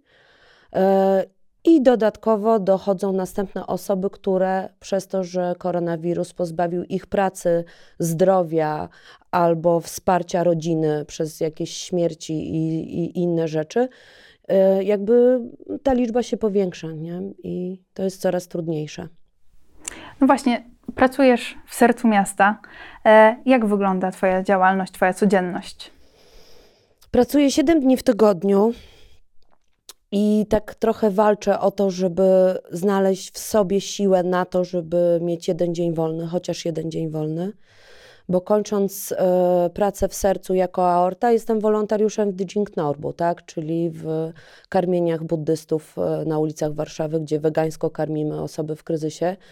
Dlatego, mimo tego, że mogę skończyć pracę w sercu, to jakby jestem gdzieś tam zobowiązana jako wolontariusz. Mm, no moja praca zaczyna się od pierwszego telefonu. To jest różnie, no bo to jest czasami 6.30, czasami 8 i kończy się do ostatniego telefonu, który no jest tam do, o 22, nie? Czyli jestem typowo osobą, która jest dla innych. Skąd bierzesz siłę? Bardzo długo o tym myślałam. Mam dla e, różnych dziennikarzy taki schemacik, który opowiadam, ale stwierdziłam, że tak bardzo e, cieszę się, że robicie taki program, że Wam mogę powiedzieć trochę więcej. Skąd biorę siłę? Biorę siłę stąd, um, że ja przez wiele lat byłam osobą wykluczoną. Mm, I jakby wykluczenie dla mnie jest bardzo, bardzo ważną rzeczą, i my nie zauważamy, jak wykluczamy innych. E, I jak samo wykluczenie dotyczy naprawdę szerokiej gamy e, spraw nas dotyczących, i każdy może czuć się wykluczony w jakiejś kwestii. I ja po prostu nie chcę tych ludzi zostawiać samych. Co jest najtrudniejsze w tym, co robisz na co dzień? Pamiętać o sobie. Udaje ci się to? Na szczęście ja mam e, ogromną siatkę wsparcia i tak jak wiesz, e, mówi się, że to rodzina jest siatką wsparcia. Ja sobie rodzinę znalazłam w ciągu dorastania i w życiu dorosłym i tą rodziną są moi bliscy przyjaciele. Nie sama rodzina jako więzy krwi, a osoby, które ze mną idą jakby przez dole i niedole e, mojego życiorysu. I tak myślę, że po prostu oni mnie tak biorą. Często jak mnie spotka, ktoś mnie spotka, kto mnie długo zna i widzi, że gdzieś tam się zatraciłam i znowu lecę tylko pomagać, pomagać, no to rzeczywiście są osoby, które są w stanie e, dwoma zdaniami sprawić, że się zatrzymuję i, i coś tam dla siebie robię. No, mam nadzieję, że będę się uczyła coraz więcej o siebie dbać, no bo umówmy się, że jak stracę sw- swoją siłę i siebie, no to nie będę miała siły, żeby dawać to wsparcie innym. Wiem o tym. A propos tego wsparcia innym, jak w ogóle trafiłaś do serca miasta i skąd decyzja o pomocy osobom w kryzysie bezdomności? Hmm. Tak jak sobie próbuję przypomnieć e, lata wstecz, jak to się w ogóle zaczęło. E, Na pewno zaczęło się od tego, że ja musiałam jako mama zrezygnować w ogóle z pracy zawodowej i zostać w domu, ponieważ okazało się, jak u mojego młodszego e, syna, jak miał 3,5 roku, wyszło, że ma spektrum autyzmu. Nie mówił, był nisko funkcjonujący. Dlatego też normalną decyzją było, że jedno z nas zostaje w domu i jakby poświęca 100% swojego czasu dziecku, żeby to dziecko po prostu dostało wszystko, co, co najlepsze e, i jakoś wyszło z tego e, swojego spektrum. I tak się stało. E, Jednak przez 6 lat byłam stuprocentową mamą. Taka osoba z taką energią jak ja, która musiała zrezygnować totalnie z tego, kim jest, e, ze swojego ego, ze swoich przyjemności, ze swojego jakiejś chęci rozwoju. Możecie sobie wyob- ja jestem naprawdę wulkanem energii, tak? I dla mnie to było tak, że ja wiedziałam, że muszę to zrobić, że robię dobrze, ale z drugiej strony strasznie się męczyłam. I zaczęłam organizować koncerty mm, w Warszawie z warszawską sceną regową i nie tylko. E, koncerty pomocowe, które skupiały się na artystach, e, na przykład pisarzach, którzy byli w wieku emerytarny, emerytalnym i nigdy nie odkładali składek ZUS, czy jacyś starsi artyści, którzy nigdy nie zadbali o to, żeby tą emeryturę sobie zapewnić, a ich zdrowie zaczęło się sypać i jakby wchodziły koszty, których oni nie mogli e, w żaden sposób sobie z nimi poradzić. I, I to była taka początkowo odskocznia od tego, że jestem w domu, ale mogę w trakcie tego, jak jestem mamą, em, robić coś dla innych. I to mnie na maksa wkręciło. Robiłam też koncerty dla dzieciaków z jakimiś wadami serca, tak już nie będę tutaj jakby nazwiskami e, e, mówić, no bo to już nieważne, to było z 8-10 lat temu. I tak się zaczęła moja, moja droga do tego, że zdałam sobie sprawę, że mam ogromne predyspozycje do tego, żeby namówić innych, żeby coś zrobić fajnego. I to się jakoś tak zaczęło w kierunku właśnie e, karmień wegańskich e, z Diging Normu e, organizować i, i zaczęłam od tego, że zaczęłam karmić osoby w kryzysie, tak? I jeździłam po Warszawie i wydawałam posiłki, gotowałam. Wtedy też zaczęłam z, od siebie z samochodu ubierać te osoby, no bo wiadomo, jak spotykasz osoby głodne, no to od razu zauważasz, że oprócz głodu doskwiera też im niedostatek w postaci butów czy ubrania, szczególnie w zimę. E, I tak to tak wszystko mnie popchnęło do tego, że po pewnym czasie, jak powstał program Najpierw Mieszkanie i Fundusz Współpracy, w którym pracuję, ten program jakby zaczął wdrażać Warsza- do Warszawy, to było jednoznaczne, że jakby zaczynam u nich e, robić dalej to, co robię, ale pomagać też im, no bo jakby ten temat jest mi znany, tak? I, I tak się stało, że powstało Serce Miasta. Ale Serce Miasta to tak naprawdę jest e, mm, odnoga mm, tego, co robiłam wcześniej, tak? Tylko to już ma nazwę, ma logo, ma lokal, ale tak naprawdę no, różni się tym, że już naprawdę ja dużo mniej e, robię, bo są wolontariusze, czyli nie muszę segregować tych e, ubrań, nie muszę ja sama e, w tym uczestniczyć i mieć to na barkach, tylko naprawdę no, serce miasta to są po prostu ci ludzie, którzy w to weszli i robią to ze mną. Ale rozpoczęłaś wszystko ty. Mam na myśli ko- koncerty, ja? posiłki. Znaczy, nie, to tak jakby, że moja droga popchnęła mnie do tego, żeby to wszystko powstało. Ja nie mówię ja, ja, ja, bo to nie jest tak, bo wiadomo, że zawsze są ludzie obok i, i nie da się samemu, ale jak najbardziej mogę sobie przypisać i staram sobie nawet wmówić to, że jak najbardziej fajnie, że wykorzystuję swoje predyspozycje do tego, żeby robić fajne rzeczy i że umiem namówić innych ludzi do tego, żeby robili to ze mną. Ale bez tych ludzi to umówmy się, że sama e, nie byłabym w stanie zrobić tak wiele dobrego, co udało się sercu miasta przez ten rok. A co zrobiliście przez ten rok? Ojejku, to jest, to jest nie do opisania. Bo ja już nawet nie mówię o ubraniach i o tym, że ktoś jest ubrany, czy ktoś jest najedzony, ale samo to, że em, do świadomości przynajmniej Warszawy, tak mi się wydaje, i ludzi w naszym wieku e, dotarło to, że nie jesteśmy e, sami w Warszawie i że są osoby, które tych domów nie mają, że nie używa się i coraz e, mniej używa się słowo bezdomny, a mówi się osoba w kryzysie bezdomności. Też uważam, że jest to zasługa komunikacji ludzi z serca miasta. E, Że jakby mm, w momencie, kiedy do mediów e, trafił slogan Zostań w domu, to jakby pokazaliśmy, że są ci ludzie, które tych domów nie mają i oni są bardziej zauważalni. Mamy pięć osób na mieszkaniach, czyli osoby, które po wieloletnich tułaczkach po e, ulicach Warszawy mieszkają, tak? Mają dom, mają pralkę, e, mają gdzie ugotować sobie obiad i mają gdzie spać. Uważam, że to jest e, ogromny sukces, tak? Ogromnym sukcesem jest też to, że ci ludzie nie boją się prosić o pomoc i wiedzą, że u nas nie jest tak jak gdzie indziej, czy jak ktoś przyjdzie i powie, że potrzebuje czegoś, to zrobimy wszystko, żeby doszło do sukcesu, tak? To też jest ogromne dla mnie to, co zrobiło serce miasta. Tak, że, że ci ludzie wiedzą, że w tym miejscu zarówno spotkają się z psychologiem, jak i będą mogli skorzystać z internetu yy, i będą mogli się ubrać, zjeść, a jeszcze ktoś z nimi porozmawia o ich ciężkiej nocy, bo jeżdżą w autobusach w nocy, bo nie mają gdzie spać. To są bardzo trudne yy, rozmowy, ale przynajmniej jest w Warszawie takie miejsce, gdzie oni mogą przyjść i opowiedzieć o tym, jak ciężko im się żyje. To jest ogromny sukces. A Jak wygląda Twój dzień w sercu miasta? Hmm, wiesz co? On się nie zaczyna w sercu miasta, tylko tak jak mówiłam, zaczyna się od telefonu.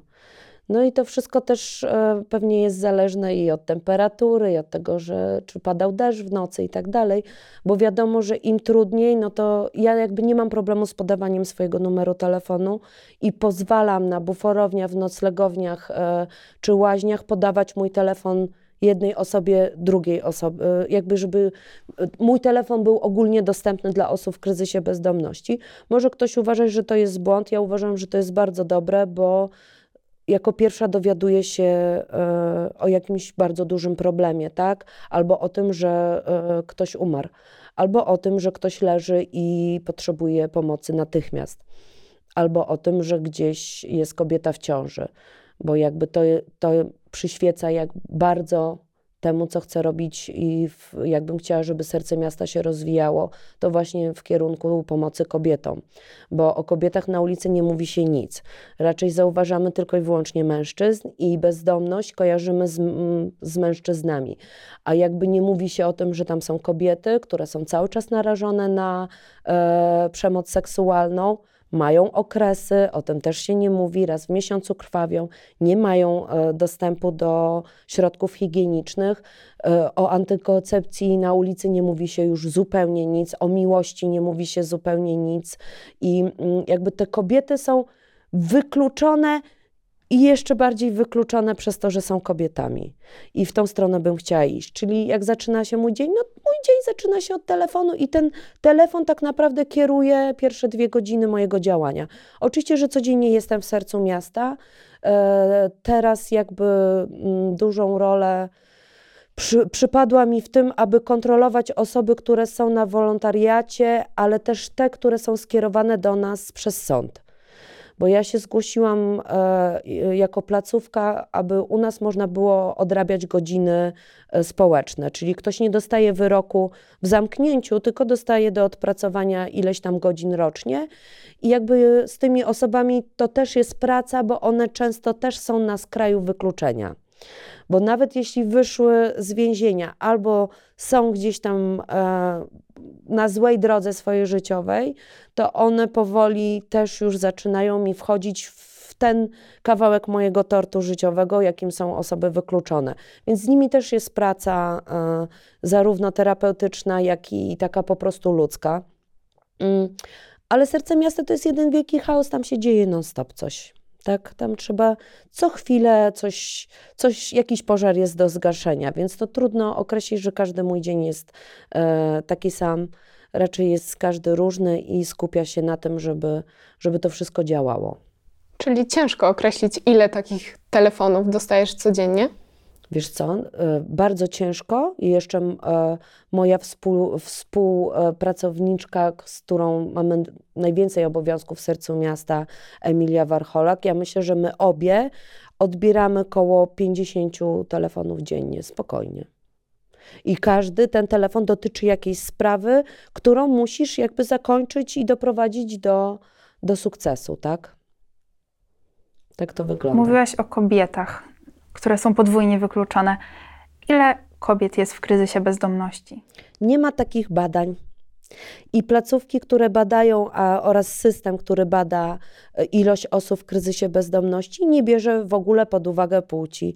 Czyli macie taki wykaz, że tyle i tyle osób, osób, nie kobiet i mężczyzn, nie ma podzielenia na płeć, tylko jest osób. Więc tak naprawdę nie jestem w stanie Wam odpowiedzieć na ten temat. Nie wiem, e, na przykład wszyscy się zastanawiają, dlaczego jest mniej kobiet na ulicy. Moim zdaniem nie jest mniej, tylko one szybciej umierają bo szybciej się czymś zarażają, e, są ofiarami przemocy fizycznej, seksualnej, poronienia, ciąże niechciane, próby e, usunięcia tych ciąż nielegalnymi sposobami albo jakoś w bardzo drastyczny sposób. I myślę, że tak, na, tak naprawdę to tak um, śmieją się moje koleżanki, że zawsze myślały o tym, że mniej kobiet jest na ulicy, bo kobiety są silniejsze, że kobiety są bardziej zaradne, albo jak pojawi się dziecko, to one bardziej sobie ogarniają to życie. No nie, ja coraz częściej dochodzę do wniosku, że to jest kwestia tego, że jesteśmy jednak fizycznie e, słabsze. To co musi się stać, żeby te kobiety zauważać? Trzeba komunikować, komunikować i komunikować. I um, że na przykład tak jak z tym okresem, nie? to takie dla nas jest banalne e, bo jesteśmy kobietami. Ale często jest tak, że my nie mówimy o tym głośno. No nie mówisz w pracy, o, dzisiaj mam pierwszy dzień okresu, tak? E, I, a co dopiero taka kobieta na ulicy, która nie ma się gdzie umyć, nie ma co zjeść i wiadomo, że nawet jeżeli mm, ma jakieś fundusze, nie wiem, pozbiera od ludzi jakieś pieniądze i przypuśćmy, że uzbiera tam 8-12 zł dziennie. Czy ona wyda to na środki higieniczne, czy wyda to na jedzenie? Odpowiedź jest prosta, wyda to na jedzenie. W takim razie czego użyje do, mm, do jakby jako środki e, higieniczne? Najprawdopodobniej trawy, liści albo coś, co znajdzie. I o tym się nie komunikuje. Jest to ubóstwo menstruacyjne, tak? Nie mówi się o tym, że i nawet dziewczynki w szkołach z biednych e, rodzin też nie mają na, e, na podpaski i tutaj jakby e, duże E, duży ukłon w stronę akcji menstruacja, tak? E, I dziewczyn, które codziennie pracują, aby mówiło się o tym głośniej. I o kobietach też trzeba i o ich problemach mówić głośniej, co jest bardzo trudne, no bo jak mogę mówić głośno o tym, że dziewczyna jest w drugim miesiącu ciąży, pali papierosy, pije alkohol, ma dwójkę dzieci już oddanych, najprawdopodobniej z zespołem FAS do, do sierocińca. Przychodzi do mnie, że ma problem. Z kim mam porozmawiać o tym, że chce usunąć ciążę w naszym kraju? Co robisz, jak ona do ciebie przychodzi? Nie mogę ci powiedzieć. Często się wzruszasz? Jeśli chodzi o same tragedie ludzkie, już nie. E, Ale jest to ogromny bagaż, który zostanie ze mną do końca życia i te historie zostaną, e, i one na pewno mnie kształtują jako człowieka. I, I na pewno sprawiają, może nie to, że robię się coraz smutniejsza, ale naprawdę robię się coraz poważniejsza i coraz bardziej chce mi się krzyczeć, E, bo nie mamy pojęcia o tym, e, znaczy nie mamy pojęcia, jakie piekło rozgrywa się na ulicach Warszawy. I jakie to są e, historie, to są i, jak tam jest dużo młodych ludzi. Może to straszne, co powiem, ale mm, chociaż nie, jak spotykam 70-latków na ulicy, to, to jest to samo, co jak spotykam 20-parolatków. No to, to, są, to są takie historie, które zostają, to jest horror, który po prostu no, zostaje. To są, jak obejrzysz dobry dokument o tym, co się dzieje na świecie, wojenny czy coś, on zostaje w tobie. No to ja taki dokument oglądam codziennie. I on na pewno, e, na pewno skończy się to terapią kiedyś u mnie bardzo porządną, tak? Taką e, wielo, wieloletnią. Na pewno będę wychodzić e, z bycia aortą serca miasta i kiedyś za to zapłacę i umówmy się, że tego się inaczej nie da zrobić. A jak sobie teraz z tym radzisz, z tymi emocjami, e, często negatywnymi, e, Mm, ze kto cię smutkiem? wspiera? Właśnie. Tak jak mówiłam, ja naprawdę mam ogromne szczęście. Nie wiem z czego ono wynika i że ja mam naprawdę ogrom przyjaciół. I to nie takich przyjaciół, przyjaciół, jak się mówi, że nie wiem, masz 100 osób i nie możesz ich nazwać przyjaciółmi, bo przyjaciół możesz policzyć na jednej ręce. Ja jestem tą osobą, która może na szczęście i na rękach, i na nogach. E, może to jest dlatego, że ci ludzie wiedzą, co ja robię, e, z czym się mierzę i dlatego z szacunku chociażby do tego, z czym się spotykam i, i jak wygląda moje życie, okazują mi tą dobroć, tą chwilę dla mnie, pilnują mnie. E, Spędzam czas z przyjaciółmi, po prostu. I oni są takim filtrem dla mnie, no bo mogę zadzwonić do, do najbliższych osób i im wykrzyczeć ten ból, który, z którym się mierzę, tak? I na razie to jest ten sposób, ale obiecałam też, że w tym roku e, postaram się też robić parę innych rzeczy dla siebie. Na przykład wczoraj morsowałam pierwszy raz w życiu. O. Jakie to uczucie? Boli. Boli, ale tak daje kopa energetycznego i tak, so, tak sobie postanowiłam, że muszę zacząć robić rzeczy pierwszy raz. e, Takie, które po prostu będą mi pokazywały coś innego w życiu niż to, z czym się mierzę na co dzień. No bo to nie jest proste. Ale do tej decyzji, żeby robić rzeczy dla siebie, dojrzewałaś, czy może był jakiś punkt olśnienia? Był punkt olśnienia w momencie, kiedy zdałam sobie sprawę, że zaczynam krzyczeć. Ja w ogóle tak na co dzień jestem osobą, można powiedzieć, wredną.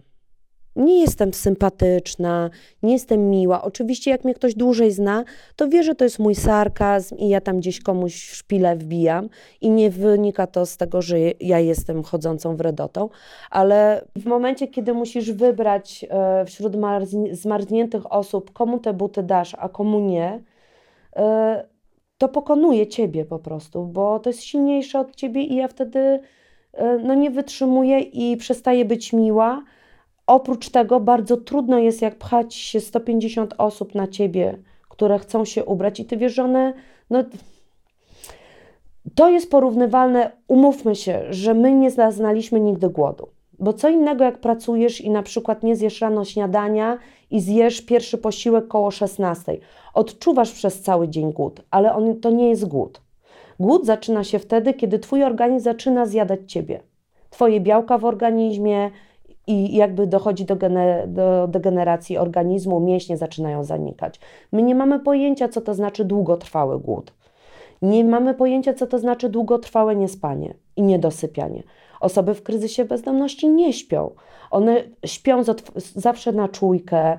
To nie jest tak, że no, nie mają swojego łóżka, piżamy, gdzie błogo po prostu zasypiasz i czujesz się bezpieczne, bezpieczna, bezpieczny. one nigdy nie czują się bezpiecznie. Więc wyobraźcie sobie człowieka, który jest głodny długotrwale, nie spał długotrwale, nie miał się gdzie umyć, e, jest, ma niewygodne buty, jest mu zimno. Nie można od niego wymagać, żeby zachowywał się uprzejmie i był człowiekiem. To nie są osoby, które podchodzą mi, przepraszam, dzień dobry, czy, mogli, czy moglibyście mi pomóc, gdyż iż mam mokre buty? No nie, umówmy się, że to jest walka o byt. I w momencie, kiedy oni widzą, że my mamy za mało butów, a im te buty są potrzebne, zaczyna się naprawdę zwierzęcy instynkt. Y, I kiedy w momencie, kiedy doszłam do tego, że gdzieś mi puszczają nerwy, i ja już zaczynam mówić językiem ulicy, y, no to zdałam sobie sprawę, że nie, Lusia, to nie ma sensu, nie? I tak się nie da, i wtedy jakby zaczęłam zauważyć, że no muszę gdzieś ten wentyl poszukać. Oczywiście to jest też błąd systemu tego roku, bo te wentyle mi się pozamykały, no bo nie mogę wyjechać, tak? Urlop jest e, pod palmą niemożliwy. E, to jest raz. Dwa, za, e, skończyły się wszystkie koncerty, które uwielbiałam i mogłam chodzić, słuchać muzyki, tańczyć i śpiewać. Nie mam tego, więc ja sobie też zdaję sprawę, że ten rok dał wszystkim nam w kość, tak? A w, przy tym, co robię, no mi dał, mi dał bardzo mocno, no bo ja jestem cały czas na ulicy z tymi ludźmi. Dlatego te aktywności jak morsowanie. A co Cokolwiek. będzie potem? E, otwieram drużynę darts. I będziemy mieć zawody, i będziemy się raz w tygodniu spotykać i, i będziemy wyłaniać zwycięzcę miesiąca. E, w moim e, ulubionym miejscu będziemy sobie grać w darts. Nie wiem, staram się, szukam. To jest mega trudne. Ja myślę, że inni też mają trudno. No to jest taki, taki moment w naszym życiu, gdzie musimy to wszystko przewartościować. A może super, bo zaczynam się przyglądać, skąd się co u mnie bierze, dlaczego tak naprawdę tym się zajmuję. I myślę, że przez te wie, wiele lat nie odpowiedziałam sobie nigdy na to pytanie, a w tym roku sobie odpowiedziałam, więc y, jest dużo też plusów. No. Jak brzmiała ta odpowiedź? Mm, brzmiała bardzo, e, znaczy teraz już na szczęście mówię o tym na zimno, ale jakby ruszyłam kawał e, terapii ze sobą, ponieważ ja jako dziecko z moją starszą siostrą um, urodziłyśmy się z nieformalnego związku e, i byłyśmy od dziecka dziećmi drugiej kategorii.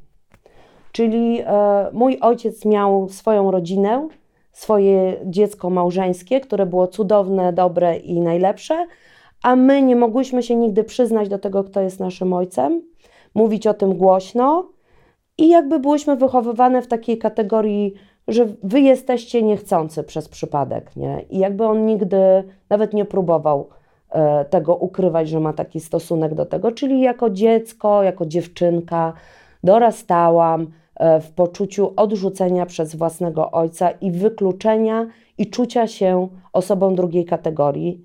I to na maksa wpłynęło na moje dorastanie i na moje pierwsze decyzje w wieku dorosłym, bo ja zawsze się czułam niekochana, e, albo że na coś nie zasługuję, albo że mi się coś nie uda. Tak mnie zaprogramowało dzieciństwo.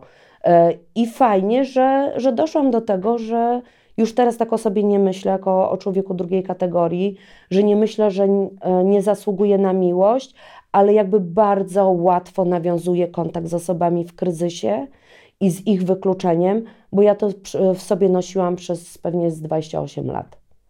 I to się wiąże z ogromnymi kryzysami tożsamości i z upadkami.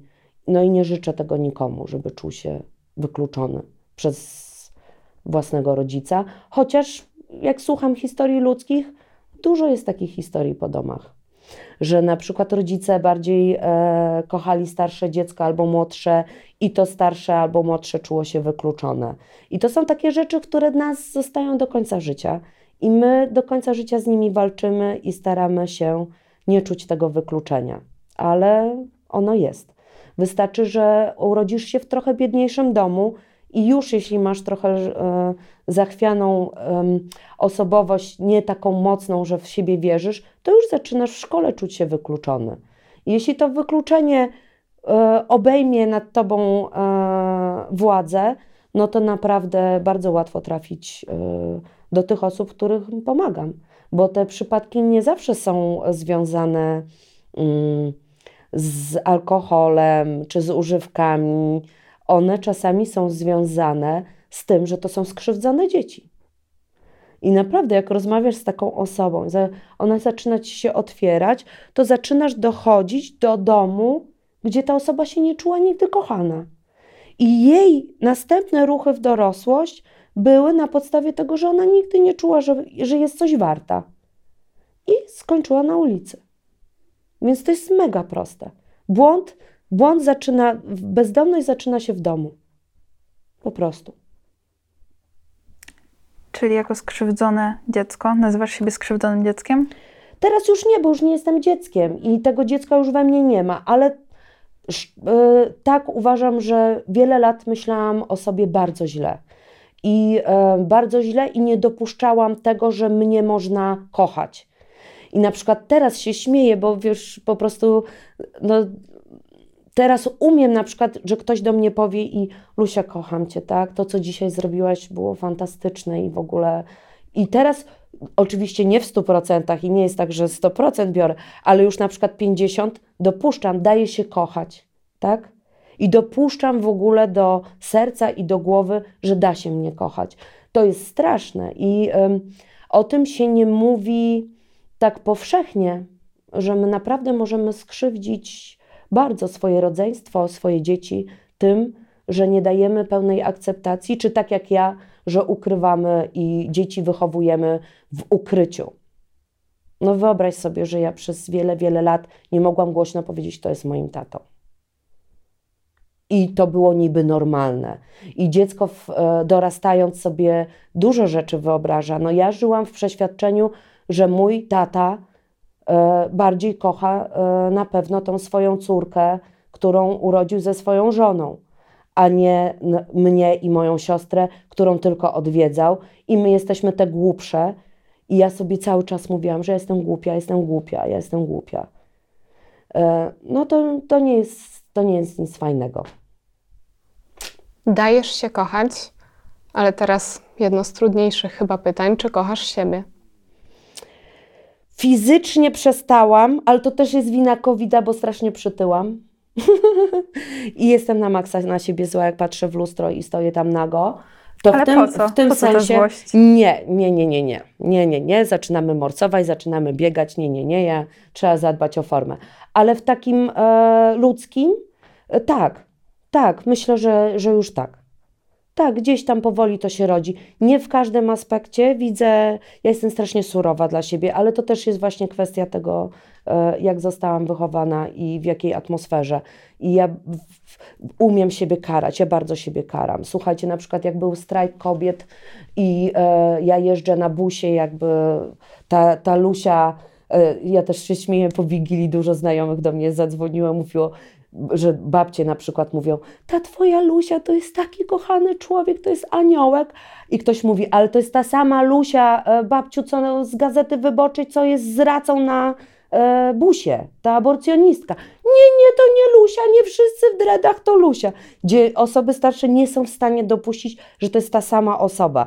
Ta, która, którą dla nich jest symbolem po prostu, nie wiem, chrześcijaństwa czy jakiejś pobożności, to jest ta sama laska, która wchodzi na busa i drze się e, przez mikrofon, że mamy prawa, tak? E, I jakby była taka sytuacja, że byliśmy pod domem Kaczyńskiego i ja krzyczałam do policjantów i w pewnym momencie już się tak na nich zdenerwowałam, że do nich krzyknęłam, że pewnie służby medyczne mm, są z nami, bo przeczytały więcej książek i są bardziej wykształcone. Co zrobiłam? Użyłam języka wykluczenia, bo te osoby, które były ze mną, czy moi znajomi, nie wszyscy mają wyższe wykształcenie. I na przykład taka drobnostka by się wydawało, tak? Ktoś by mógł to olać i powiedzieć, dobrze, ale przez trzy godziny, jak jechaliśmy tym marszem, opowiedziałaś, wpuściłaś jakieś tam, e, wiesz, wpuściłaś historię i mówiłaś bardzo dobrze. Nie, ja zawsze już będę pamiętała, że użyłam języka wykluczenia, zawsze już będę na siebie zła za te dwa zdania. Tak mam. Może się kiedyś tego pozbędę, na razie tak mam. Ja widzę swoje błędy i bardzo je w sobie piętnuję. Więc nie wiem, czy to tak do końca jest miłość, ale może tak, co? A spotykasz się z hejtem? Mm, czasami, ale ja tego nie odbieram jako hejt. Ja to odbieram jako osoby, które same mają problemy, tak naprawdę. I każda skierowany hejt czy nienawiść e, do kogokolwiek, w cokolwiek, bo to nie, często, nie jest czasami hejt e, typowo do mnie, ile na przykład do tego, co robimy, że dajemy telefony albo że dajemy tytoń. I nagle się zaczyna jakiś hejt, że jak możecie w ogóle tym osobom, co sobie wybrały taki los, tym pijakom, tym nierobom e, dawać dostęp do internetu czy tytoń. Więc bardziej to odbieram, że to są osoby, które są tak zagubione albo mają takie problemy ze sobą i gdzieś nie, nie gadają ze sobą na co dzień i nie rozwijają się, że ten hejt przez nie przepływa. Ale nie odbieram tego osobiście. Mm, Czyli nie obchodzi cię, jak inni myślę, ludzie że- reagują na twoją aktywność. Nie, jakby mi ktoś to powiedział, kto mnie bardzo dobrze zna i z tym, z, z kogo spędzam czas, z kim spędzam czas i, i mu ufam i wiem, że wie o mnie więcej. Jakby ktoś tak bliski mi powiedział, że coś, jakiś hejt w stosunku do mnie, no to by mnie zabolało. Obce osoby w internecie, mm, nie. nie w ogóle szans. cię nie rusza. Mm-mm. To jest śmieszne. Nawet stwierdziłam, że im więcej hejterów, to znaczy, że tym lepiej, to znaczy, że coś robię przynajmniej. Większa popularność. Tak, to, to, to w sumie lepiej dla osób w kryzysie i dla samego serca miasta, że to nie jest obojętne. No właśnie, a propos jeszcze serca miasta. Co chcesz osiągnąć swoimi działaniami? Masz jakiś cel?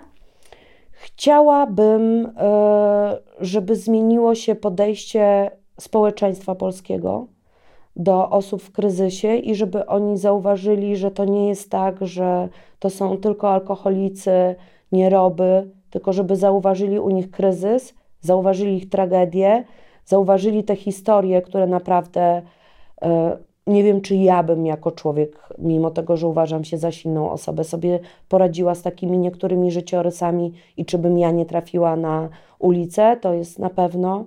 E, Chciałabym, żeby serce miasta pokazało innym placówkom, a też gastronomii, że marnowanie e, jest ogromnym błędem i to, żeby w jakichś zagłębiach, jak już ta gastronomia wróci do łask, że w jakichś zagłębiach restauracyjnych wystawienie szafki w różnych dzielnicach, w różnych miejscach, e, szafki, w której dzielimy się z innymi tym, co mamy, nie jest jakimś dużym kosztem ani problemem. To by był ogromny sukces, jakby tych szafek było dużo więcej.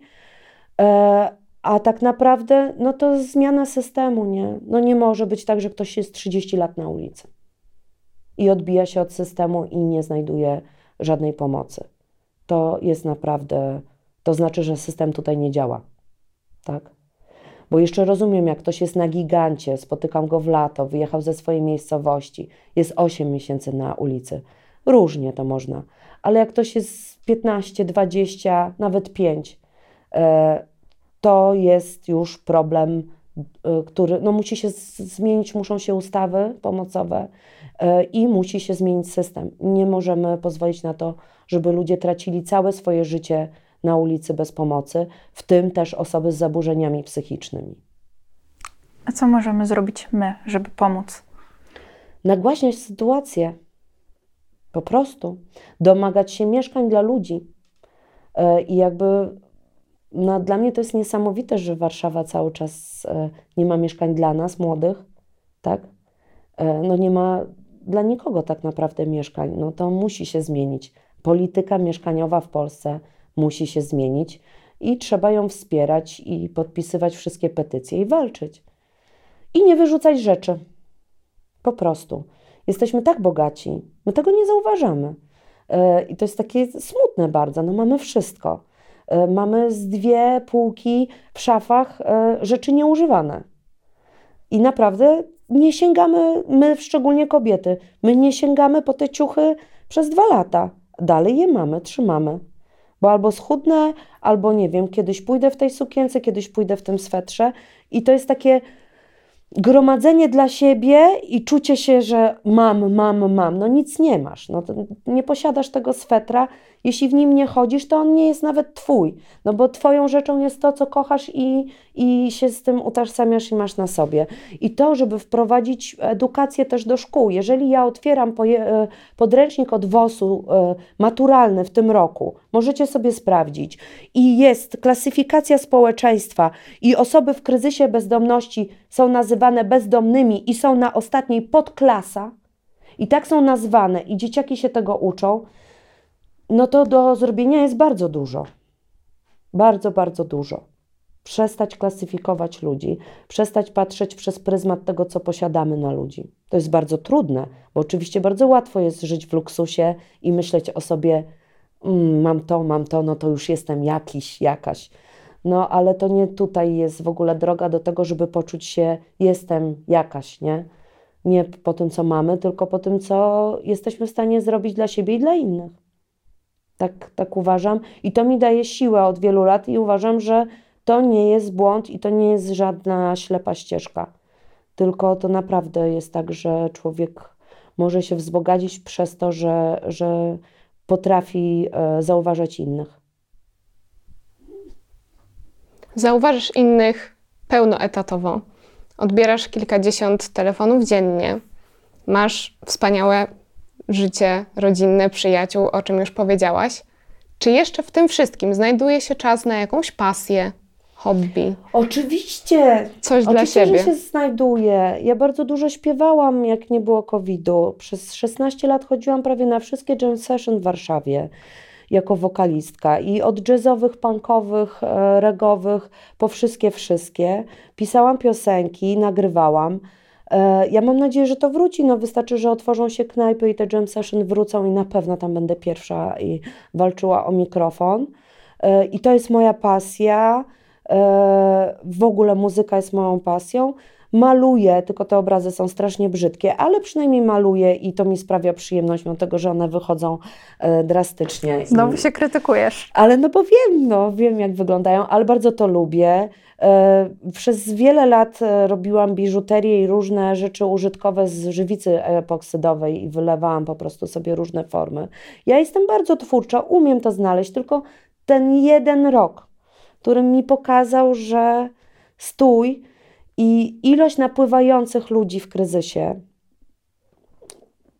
nie możesz, ja przynajmniej na razie, nie mogę e, aż tak uciec od tego. Muszę skończyć ten program najpierw mieszkanie, wykazać, że osoby w kryzysie bezdomności na mieszkaniach, e, z którymi się spotykamy i są terapeutyzowane na mieszkaniu, są dużo tańsze dla budżetu niż te, które są utrzymywane w placówkach niskoprogowej pomocy.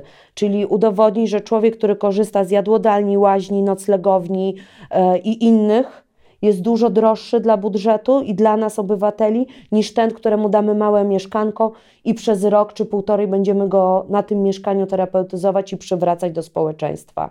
Muszę to zrobić. E, no muszę na pewno jak najmocniej z całym sercem miasta i z wszystkimi ludźmi, z którymi e, pracuję, wpłynąć na to, żebyśmy przestali zauważać tylko osoby śmierdzące. Bo my zauważamy osoby w kryzysie bezdomności w momencie, kiedy one nam przeszkadzają kiedy śmierdzą, ale nikt sobie nie zada pytania, dlaczego ta osoba śmierdzi. Czy ma się gdzie umyć? Czy ma gdzie uprać te rzeczy? Wiesz, widzimy ten jakby konsekwencje tego, które nam przeszkadza, bo my chcemy, żeby było ładnie i pięknie, a nie jest ładnie i pięknie, no i trzeba zrobić tak, żeby było lepiej, tak? I na pewno. Yy, na pewno też więcej edukacji. Udało mi się w tym roku, mimo covid przeprowadzić na Uniwersytecie Dziecięcym parę zajęć, tak, żeby młodzież trochę e, inaczej, żeby spojrzała na problem, którym się zajmuję. Z dzieciakami w przedszkolach, e, w szkołach pierwszych klas też mi się udało. E, no, jakieś tam prelekcje w różnych instytucjach też. Fajnie, że w sercu miasta są organizacje, dwie sangi buddyjskie, Stowarzyszenie Żydów Polskich, e, e, e, drag queenowie, towarzystwo LGBT, emeryci, ci, co odrabiają te sądowe. Jest taki moment, że wchodzisz po prostu na przerwę, czy tam jak mają papierosa i po prostu widzisz e, kolesia w sukience w kolczykach, który rozmawia z e, jakimś tam e, gostkiem starszym, który jest Żydem z Węgier i który odnalazł całą swoją historię e, rodziny i jakby pracuje tutaj, a jakiś buddysta po prostu krzyczy, wiesz, wnieście mi marchewkę po schodach. I dla mnie to jest takie budujące, że tak dużo osób, które by się wydawało, że są wykluczeni, tak? Bo nasze społeczeństwo dalej te wszystkie e, rzeczy wyklucza. My cały czas po prostu na, na tej granicy jesteśmy, że wszyscy razem po prostu działają na rzecz osób wykluczonych przez to, że nie mają domów, tak? To jest super. I mam nadzieję, że to będzie się działo więcej, tak? Że, że nie tylko ja będę przychodzić i opowiadać o tym, tylko że już każdy, kto, kto po prostu miał z tym styczność, będzie to niósł dalej, tak? Że, że jesteśmy w stanie zawalczyć jako społeczeństwo to, żebyśmy nie mieli tych brudnych, śmierdzących ludzi na ulicy. Umiemy to zrobić i stać nas na to. Polska nie jest biednym krajem, naprawdę. Jestem o tym przekonana i widzę to, i widzę, gdzie uciekają różne pieniądze na pomoc, i trochę mnie to martwi.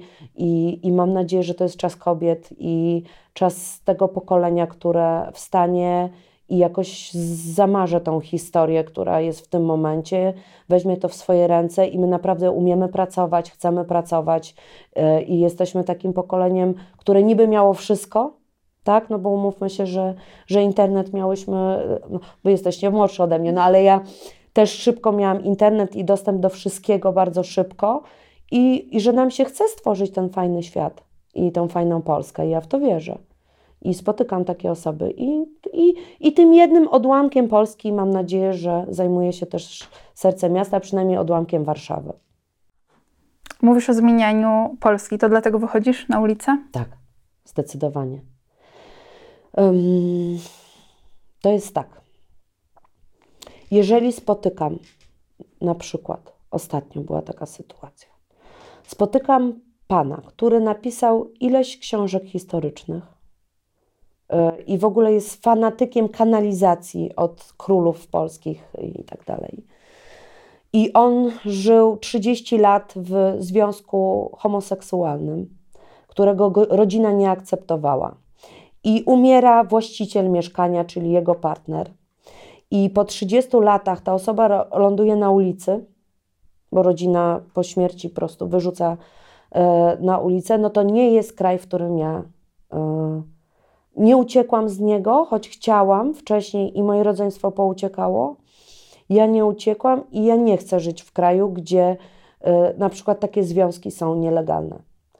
E, albo gdzie, osoby, gdzie kobieta po 30 e, gwałtach reszty nie pamięta, chce rzucić alkohol, bo pije dzień w dzień, żeby zapomnieć i nie ma placówki de detoksu, która by nie była koedukacyjna. Nie chcę w takim kraju żyć. Chcę, żeby zauważano potrzeby poszczególnych e, wykluczonych e, e, grup społecznych. I m, mm, tak jak dla nas jest coś normalne wśród młodych ludzi, i dla nas to jest oczywiste, tak nie jest oczywiste cały czas dla naszych, nie wiem, rodziców i, i tego, kto, i dla tych, którzy ustanawiają dla nas prawo. I uważam, że jeżeli teraz nie zawalczymy, to stracimy wszystko. I nasze dzieci będą musiały wyjechać na studia koniecznie poza granicę tego kraju, bo tu się już nie da żyć. Po prostu, jak one tu zostaną, a my nie weźmiemy na barki zmian. Na przykład też, dlaczego ja to robię, a kto to zrobi? No jak każdy sobie powie, że ktoś mm. to zrobi? Jak wprowadzimy zmiany, jeżeli nie będziemy, jeżeli nie będzie, ktoś nie podejmie, nawet jeśli ja porobię mnóstwo błędów, bo ja nie mówię, że nie robię błędów, na pewno gdzieś robię błędy, ale jeżeli ktoś głośno nie zacznie o tym mówić, nie, brać, nie weźmie odpowiedzialności za te zmiany, chociażby w Warszawie, to kto to zmieni? Nikt. Caritas. A są takie dni, kiedy po prostu ci się nie chce? Kiedy się budzisz i pomimo nie, tego... bo to są bardzo ważne telefony. Nie, to nie ma tak, że nie chcę. Mogę nie mieć siły, nie? Może być tak, że mam... E, że fizycznie jest mi ciężko, ale nie, to, e, to nie jest tak. No jak drugi człowiek do ciebie dzwoni i to nie jest na zasadzie słuchaj, muszę przenieść lodówkę, tak? Tylko no jest to naprawdę to jest tak, że oni są bliscy chęci popełnienia samobójstwa, bo są w takiej sytuacji, że nie widzą już sensu następnego dnia, no bo mają się kolejny rok tułać po ulicy, spać w autobusach, szukać jedzenia. No po pewnym czasie już przestajesz chcieć tak żyć. Gdzieś tam przez jakiś moment masz tą siłę walki. Oczywiście wszystko zależy od charakteru, bo mam tych, którzy są po 26 lat na ulicy, a po prostu takie żarty sobie robią, że się przy nich cały czas śmiejesz i się zastanawiasz, skąd ten człowiek ma cały czas w sobie poczucie humoru i, i taką sympatyczność, tak? Jeśli, nie wiem, ja myślę, że jakbym zrobiła sobie challenge i miesiąc żyła na ulicy i żyła tak, jak oni są skazani żyć, to ja już bym się nigdy nie uśmiechnęła i uważała, że świat jest najgorszym, e, podłym e, miejscem we wszechświecie. E, także wiesz, no jak dzwoni do ciebie taka osoba i wiesz, że, że ją też dużo kosztowało to, żeby zadzwonić, no bo też jeżeli przez 20 lat odbijasz się od różnych placówek i dalej żyjesz na ulicy, nikt nie był w stanie tobie pomóc, żeby tobie jakiś ten kąt znaleźć, to się poddajesz i przestajesz już prosić o pomoc. I to jest bardzo trudne, żeby ta osoba na nowo zaufała jakiejś instytucji, bo oni odbierają serce miasta jako instytucję, tak? Nie, oni nie mają pojęcia, że to jest e, obywatelski tak naprawdę ruch. E, I mm, jeśli on ma siłę do mnie zadzwonić i jednak powiedzieć jeszcze raz, że jeszcze chwila i popełnię samobójstwo, proszę spotkaj się ze mną, porozmawiaj, no to, to najwidoczniej jestem tym pośrednikiem i tym strażnikiem ostatniej jakby chwili, kiedy mogę być drugim człowiekiem dla tego człowieka, że to każdemu by się chciało wstać. Tak myślę. Dbasz o to, żeby zapewnić, żeby zaspokoić potrzeby innych. A jakie są Twoje potrzeby? Hmm. Nie wiem jeszcze. Jeszcze? Jeszcze nie wiem, bo wydawało mi się, że, um, że w że mieszkanie to będzie taką potrzebą, że jak będę miała więcej przestrzeni i nie będę z tymi moimi synami dwoma nastoletnimi e, po prostu tak często się mijać i stać pod łazienką i, na, i pukać, że wpuśćcie mnie, bo ja już muszę wyjść. A teraz mam dwie łazienki. To wydawało mi się, że to są moje potrzeby i to jest super, bo widzę, że moje dzieci bardzo odżyły i, e, i jakby ta przestrzeń bardzo była nam potrzebna, ale to jest dalej nie to. Myślę, że miłości ale takiej miłości między e, kobietą a mężczyzną mi brakuje. Mi się bardzo posypało e, małżeństwo od paru lat i ja nie mówię, że miłości od innego mężczyzny, ale w ogóle tu bym coś u siebie jeszcze naprawiła, ale nie czas na razie tak. Więc miłości, tak. Ja bym potrzebowała miłości. Takiej kobieta-mężczyzna, nie? Żeby poczuć się atrakcyjną. O, może tak nawet. Dla kogoś. I tej miłości i miłości do samej siebie jeszcze więcej życzymy Ci Dziękuję. z całego serca. Dzięki. I bardzo dziękujemy za rozmowę. Dzięki, Dzięki za zaproszenie.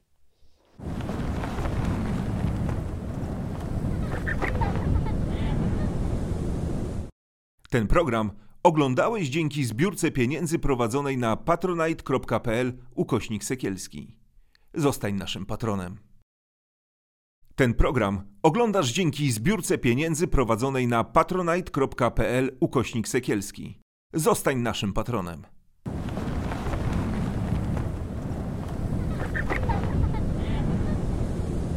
Nazywam się Gośka Serafin i choruję na depresję. Chcę Wam pokazać, że można z nią żyć i nie jest to powód do wstydu. Jeśli masz podobne problemy, nie czekaj, nie bój się, szukaj pomocy. No dobrze. To może zaczniemy tak. Dlaczego wymyśliłaś sobie, że ja mam z Tobą rozmawiać na inaugurację Twoich rozmów? Wymyśliłam to sobie dlatego, żeby opowiedzieć y, historię i już nie musieć jej potem opowiadać. Że to będzie taki most, który mi y, pomoże zacząć. Ty chcesz się wyspowiadać ze, swojego, ze swojej choroby? Czy wyspowiadać? No, spowiedź tak jakoś mi się z grzechem kojarzy, ale nie wydaje mi się, żebym jakoś e, grzeszyła. Tak będziemy się teraz łapać za słówka, to, no, to nie pójdzie. No. Tak. No dobrze, to powiedz mi, dlaczego? Znaczy, bo jesteś osobą, która przez no, długie lata, można powiedzieć, była bardzo rozpoznawalna. Byłaś dziennikarką telewizyjną, prowadziłaś wywiady z najważniejszymi osobami w Polsce. Byłaś zawsze umalowana. W sukieneczce. W sukieneczce, zapięta po kokardkę, uśmiechnięta, profesjonalna. O tam jak trzeba było o 8 rano odpalić rozmowę, to byłaś gotowa. I co? No i tak to wyglądało z zewnątrz. Wyglądało to jako e, absolutnie mm, piękne życie, takie z telewizji.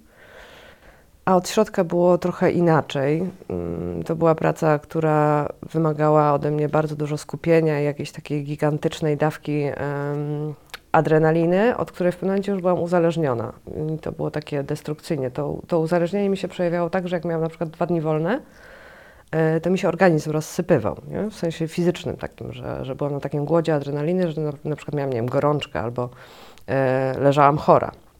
E, I ten pęd, który, w którym byłam, który jakoś tam mnie napędzał, w pewnym momencie doprowadził mnie do e, bezsenności, bo mm, te poranne programy, ja też e, oprócz tego, że e, prowadziłam programy na jedynce o 8 rano, to byłam też wydawcą w TVP Info i wstawałam o 4 rano do pracy.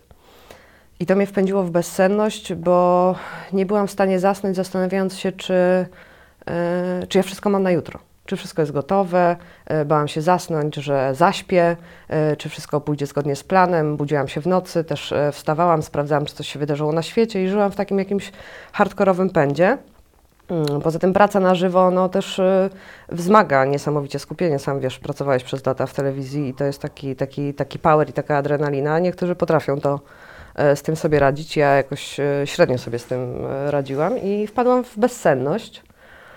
E, Ale pędziłam dalej, pędziłam dalej, bo nie wzięłam sobie wolnego, nie wzięłam e, urlopu ani e, L4, E, ale pewnego dnia zauważyłam, że biorąc pod uwagę to, że codziennie jeździłam od wielu lat na Woronicza, czyli metro Wierzbno i jechałam któregoś dnia metrem i zapomniałam, gdzie mam wysiąść.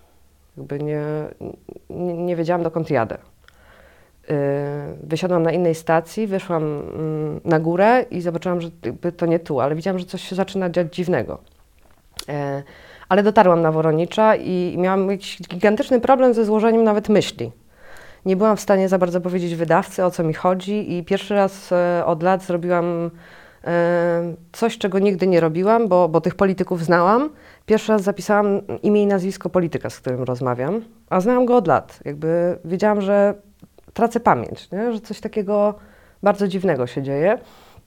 I stwierdziłam, że skoro już e, nie pamiętam, gdzie, mam, gdzie pracuję, gdzie, gdzie mam wysiąść, e, z kim rozmawiam i nie jestem w stanie złożyć zdania, miałam takie poczucie, że jestem o krok od e, szaleństwa. Nie? Takiego, że tracę kontakt z bazą.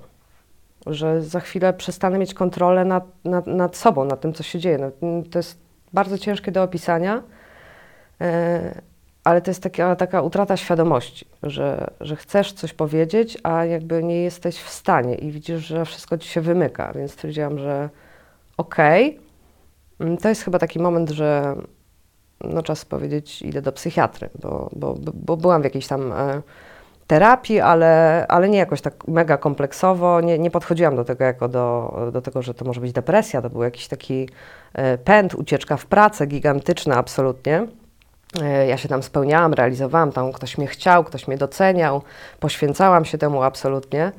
E, No ale zaczęło się e, dziać ze mną bardzo, bardzo źle i poszłam do psychiatry i to było takie dosyć dziwne uczucie, Mm, bo ja wybiegłam niemalże z, z, z pracy w momencie, kiedy już udało mi się umówić do, do psychiatry i, i poszłam tam taka, taka pani z telewizji w tej, e, w tej sukieneczce, w tych szpilkach, siedzę w tej poczekalni i myślę sobie, okej, jesteś u psychiatry, nie? Mm, I to jest takie Pierwszy raz. pierwszy raz, takie ostateczne Wstyd przypieczętowanie, tak, że, że coś się dzieje złego, nie? Że coś się dzieje złego i że y, y, to wmawianie sobie A przez... powiedz mi, przepraszam, przerwę ci, Mhm. a bardziej się bałaś o swoje zdrowie, czy bardziej się wstydziłaś tego, że jesteś...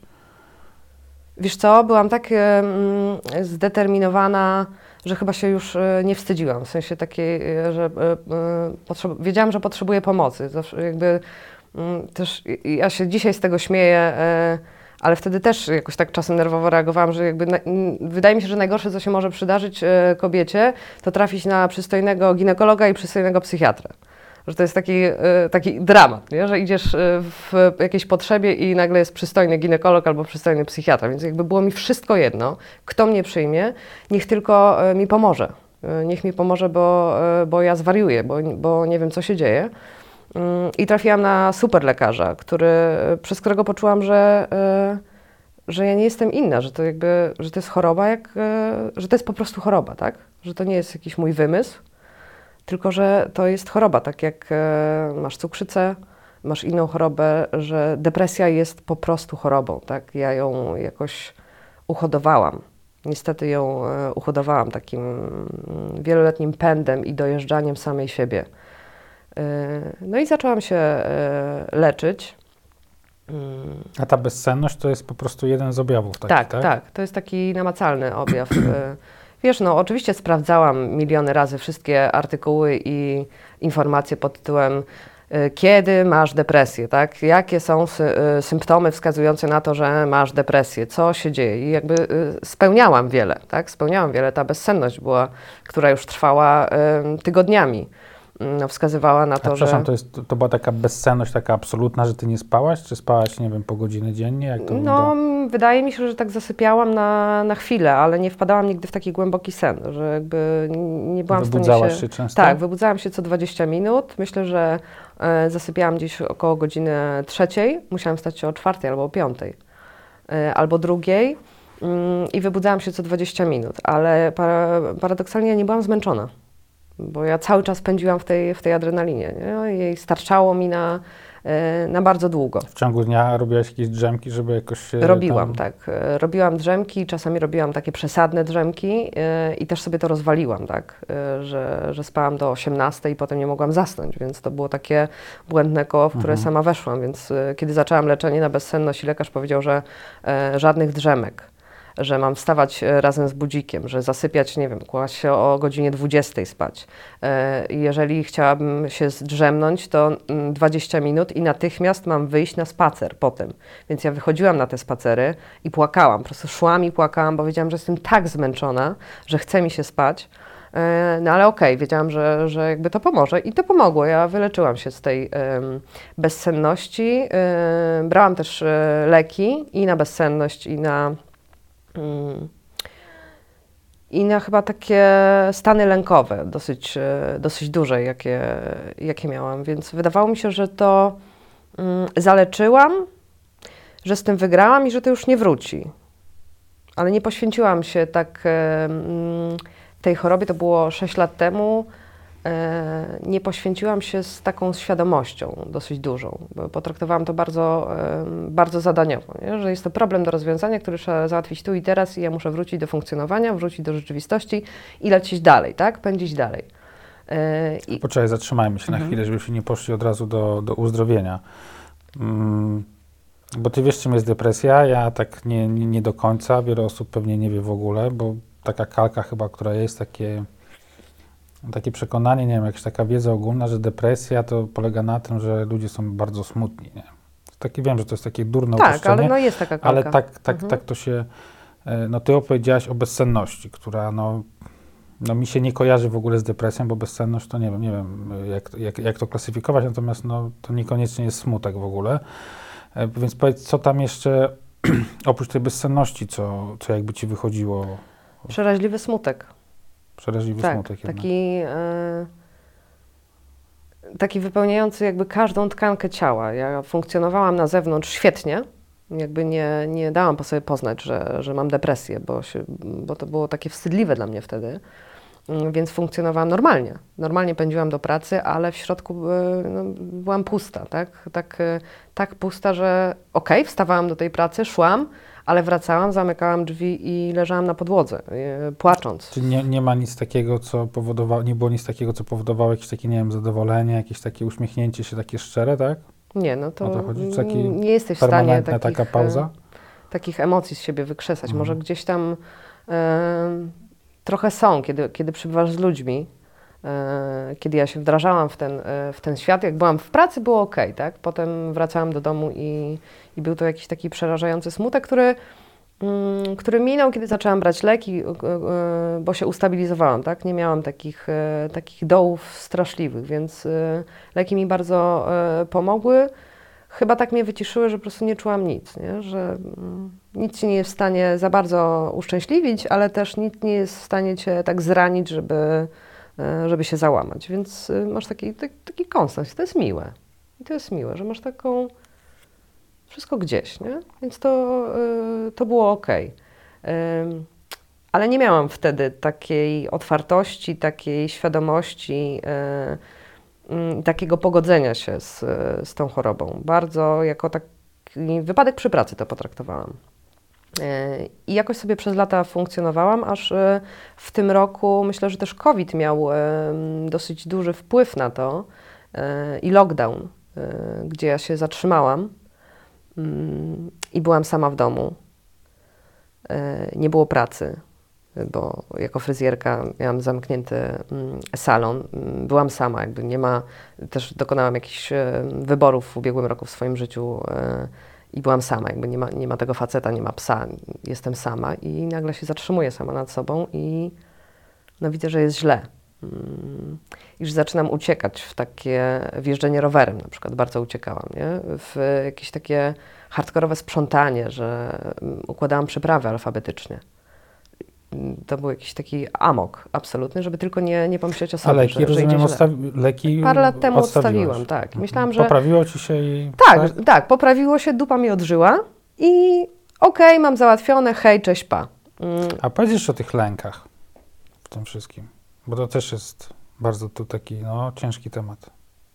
Znam osoby, które mają Mhm. ciężkie stany lękowe i czy nie chcesz o tym rozmawiać? Nie, to jest taki lęk. E, on może być przed wszystkim, nie? Przed wyjściem z domu. Ja teraz miałam w tym roku takie, takie lęki. Przy, przy tym pierwszym epizodzie depresyjnym ja nie miałam takich. E, takich e, To się zdaje się często łączy w ogóle, nie? Z depresją, tak, jest tak, zaburzenia lękowe.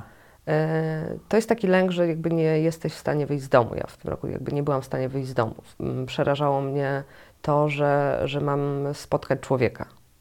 E, Gdzie to było, wiesz, takie dziwne. No, ja tyle lat w telewizji z ludźmi, przed kamerą, zero problemu.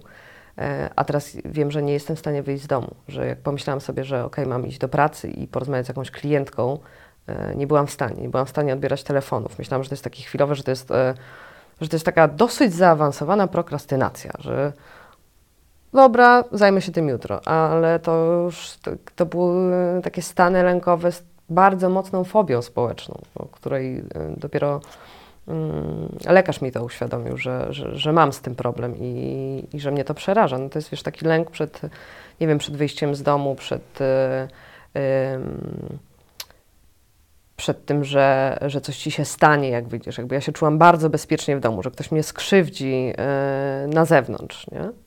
Nie w takiej, w takiej formie jakiejś przemocy, tylko że tam jakieś czyha takie zło, że, y, że ja nigdy nie będę miała pracy, że, że mam 35 lat i że coś się za chwilę skończy. Jakby bałam się, że, że, że ten świat się za chwilę skończy dla mnie. Nie? To jest tak trudne do, mm, do opisania i,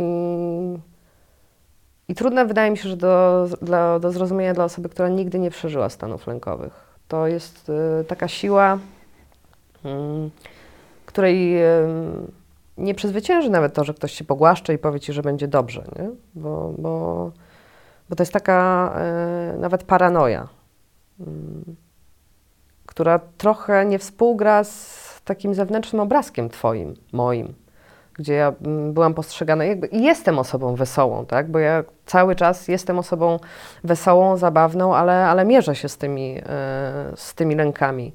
Nauczyłam się też e, stosować jakieś e, techniki relaksacyjne, oddechy.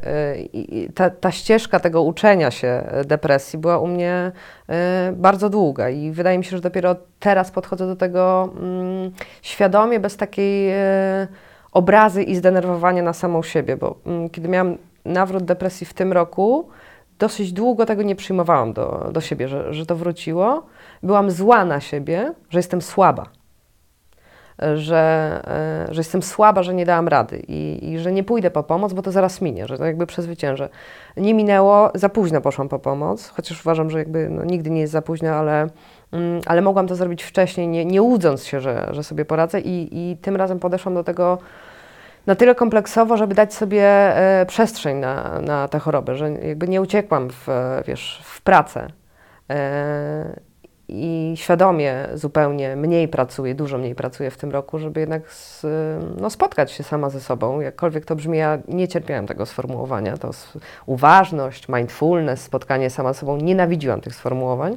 Jakąś wywoływała we mnie taką, taką prostą coachingową irytację ale, y, ale tak, jakby przyjrzałam się y, tej chorobie, pozwoliłam sobie na nią, że to nie jest moja słabość y, i nie to, że jestem beznadziejna, że innym się udaje, że inni są mocni psychicznie, a ja jestem słaba, jestem, jestem nikim, jestem mięczakiem.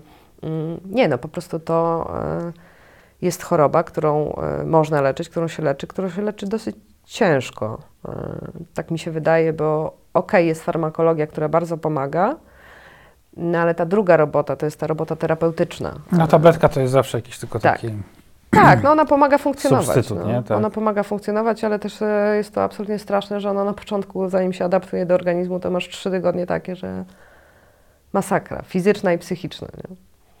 Mm, no ale jakoś, e, jakoś sobie z tym, e, z tym radzę i wydaje mi się, że dużą, dużą pomocą w, w depresji jest to uświadomienie sobie, że nie masz się czego wstydzić.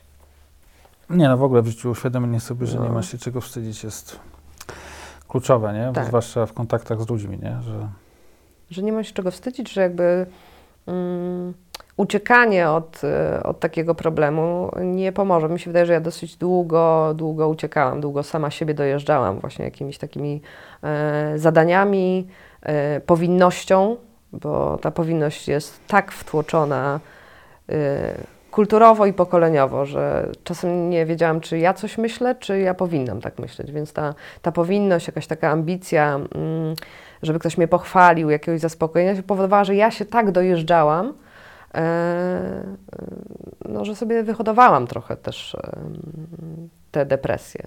E, może mam jakąś skłonność, kompletnie się na tym nie znam i jestem daleka od głoszenia teorii i mądrzenia się na ten temat y, i terapeutyzowania kogokolwiek. Obserwuję tylko siebie, y, czytam jakieś rzeczy, rozmawiam z ludźmi i, i wydaje mi się, że, że to była taka kwestia mm, bardzo przenoszona. Nie? Y, oszukiwania samej, samej siebie i całego świata dookoła, że ja mogę, że ja zrobię wszystko. No otóż nie mogę, nie dam rady, już nie chcę się mocować i nie chce mi się udowadniać. I, I takie stanięcie ze sobą w tej szczerości, że tak, no, mam chorobę, mm, tak padło na mnie. Myślę, że ona jest dosyć też demokratyczna, nie? Że, że każdy. Każdy chyba przychodzi tak. taki moment samobiczowania się, że właśnie, że coś mu jest. Wiesz, ja też pamiętam, z tym uzależnieniem swoim, to przy pierwszej terapii to ja miałem takie poczucie do siebie, takiego właśnie przegrania życia, stracenia czasu, w ogóle tyle lat mi przeciekło mi, mi przy, przez palce. Dzisiaj mam to kompletnie gdzieś, natomiast rozumiem jakby, że to nie tylko w moim, w, w moim uzależnieniu jest, y, jest takie piętno gdzieś wtłoczone w takie myślenie właśnie, że kurczę, jestem zepsuty jakiś, nie? Tak, ale ja też, też sobie myślę, że to jest pewien rodzaj takiego uzależnienia. No ja na przykład y, wiem, że tak się uzależniłam przez lata od y, jakiejś akceptacji, nie? I, y, I dążenie do tej akceptacji, do tego, żeby wszystkich zadowolić, y, no, spowodowało, że ja gdzieś tam zgubiłam w tym, y, w tym siebie I, i to było tak silne, że ja się tym karmiłam, żeby spełnić czyjeś oczekiwania, czyjeś ambicje i żeby robić jakąś taką powinność. I też to jest taki w ogóle taki kluczowa podstawa, chyba wydaje mi się, że każdemu to zawsze dobrze zrobi. Ten moment, kiedy po prostu, tak mówiąc brzydko, masz wyjebany na to, co o mhm. tobie ludzie pomyślą i co ci powiedzą. Jak się komuś nie podobam, to tak, sobie, dojście do tego, nie? tak, dojście do tego jest tak trudne. Trudne jest, ale ale tak bardzo pomaga, ale tak pomaga i tak uwalnia i ja jestem mm, blisko tego momentu. Y, dużo już rzeczy z, y, zrozumiałam pogodziłam się też z jakimiś niektórymi rzeczami, ze swoimi słabościami, nie? że jakby przestałam się biczować za, za swoje słabości. Yy, bo może to właśnie nie są słabości, tylko według mnie ktoś mógł tak pomyśleć, że to jest słabość, wiesz, jakieś taki, takie samobiczowanie się, które jest hardcorem. I ja zauważyłam, że wiesz, był, był taki moment dosyć... e, Ale dzisiaj nawet tutaj to robiliśmy, nie? Ja widzisz, ja mam dużo dystansu, wydaje mi się, No. do siebie, ale Ja też. jak robiliśmy tutaj te próby, pamiętasz, jak podeszliśmy tam do stanowiska z odglądem, nie? Mhm. To nie patrzymy na to, czy to wszystko Nie. wygląda dobrze, tylko ty skupiasz się na jakichś Jezu, deficytach, które masz zakodowane, tak, bo jesteś zapuchnięta. Tak, zapuchnięta, A mam- ja, bo mi tu brzuch wyda- No. wystaje, bo w grudniu zjadłem, nie wiem, dwie tony ciastek i przytyłem kilka kilo, nie? Tak, że ja wiesz, nigdy nie potrafię powiedzieć, że okej, wyglądam y, fajnie. Jest taki krytycyzm, że, że, że, Zawsze jest coś nie tak. że, w, że w tej Albo kamerze dyskusja, wyglądasz ty tobie, świetnie. Tobie też się nie ja? podoba twój głos? No tak, mi No. też. No. A Też- bardziej ci się nie podoba swój głos czy twój wygląd? Hmm. Tak, No mi chyba głos, a mi chyba wygląd, nie? No to jest takie że, strasznie, ile sobie krzywdy potrafimy zrobić, to Mhm. nikt nam nie zrobi chyba tyle. I nie? na przykład jak ja zobaczyłam siebie, jak wyglądam w tym e, podglądzie, to długo nie mogłam przestać o tym myśleć i powiedziałam Ci, że ja będę siedziała tak, żeby po prostu wyciągnąć szyję. tak, żyrafa. Jakby to było najważniejsze, nie? Jakby to było najważniejsze, jak ktoś mnie e, postrzega, ale wiesz, ja przeprowadziłam e, setki wywiadów e, w życiu i z żadnego nie byłam zadowolona. A teraz w nowym zawodzie po, po rewolucji y, zrobiłam setki fryzur i z żadnej nie byłam zadowolona do końca, nie? Więc to, y, mi się wydawało, że jak zmienię zawód y, i, i zmienię zupełnie środowisko, branżę, cokolwiek, taką rewolucję, że, że pójdę w taką skrajność, to będzie lepiej. Nie, ja po prostu się dojeżdżam tymi samymi mechanizmami, dojeżdżałam się w dziennikarstwie i tymi samymi mechanizmami dojeżdżam się e, we fryzjerstwie. Chociaż już tak nauczyłam się tego, żeby się nie dojeżdżać, żeby się pochwalić, że Trzeba się ej, stara, od siebie czasem trochę. Ej, stara, e, uczyłaś się od niczego, tak? E, w trzy lata opanowałaś e, fryzjerstwo tak, że, że po prostu klienci są A to zadowoleni. ty nie miałaś w ogóle wcześniej nie. Ja w- nic. ja ty sobie wymyśliłaś to fryzjerstwo, Tak. tak? nawet nie wiem, co. Nie potrafię ci powiedzieć do końca dlaczego, wiesz, bo I zawsze. nauczyłaś się tego. Tak, jak ktoś mi zadaje pytanie, dlaczego To to fryzjerstwo, to. strasznie, nie? że się nauczyłaś. Tak, w trzy lata, nie? Trzy lata. Robić piękne kolory Aż. na przykład, tak. No. Ale wiesz, bo ja na przykład jak fryzjerstwo zaczęłam w poniedziałek, to w środę, najdalej w czwartek chciałabym być zajebista. I tak mam ze wszystkim, nie? że jak zaczynam się się odchudzać w poniedziałek, to już w środę mam być osą. Ale nie to, że w środę za 4 miesiące, tak? Nie. Mi to pomogło, Zero jak się na jeden. terapii uczyłem, że, że jak kurczę, no chłopie, jeżeli przez, nie wiem, 15 lat czy tam 10 lat swojego życia chlałeś i niszczyłeś coś tam, no to nie oczekuj, że później w tydzień to naprawisz. No to też pewnie lat potrzeba później, nie? No, ja nawet tak miałam dosyć e, długą drogę z,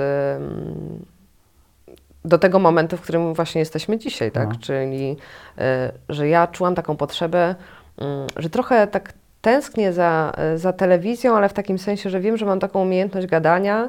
E, Jakby nie każdy ją ma, ja ją mam naturalnie, ona w ogóle nie, nie, nie powoduje, że ja się e, stresuję i że ten temat depresji jest mi tak bliski, bo, bo jestem w, w, w tym wreszcie e, szczera i to czuję, nie wstydzę się tego i że chciałabym robić takie rozmowy, żeby tak e, trochę odczarować też depresję, bo, bo ona cały czas e, w sferze mitów jest tak głęboko e, zakorzeniona i że jest wstydliwa i żeby mm, pokazać, że, że, to się, że to się leczy, że to nie jest żadne piętno, że, że można z tym funkcjonować i gdzieś tam trafiłam na, na, na Twoje rozmowy i Mm, I to mi bardzo zaimponowało, jakoś tam mnie zbliżyło, ale ja robiłam podchody sama ze sobą wewnętrzne przez tyle miesięcy do momentu, w którym właśnie teraz tu siedzimy i to nagrywamy, że ja prowadziłam taką walkę sama ze sobą.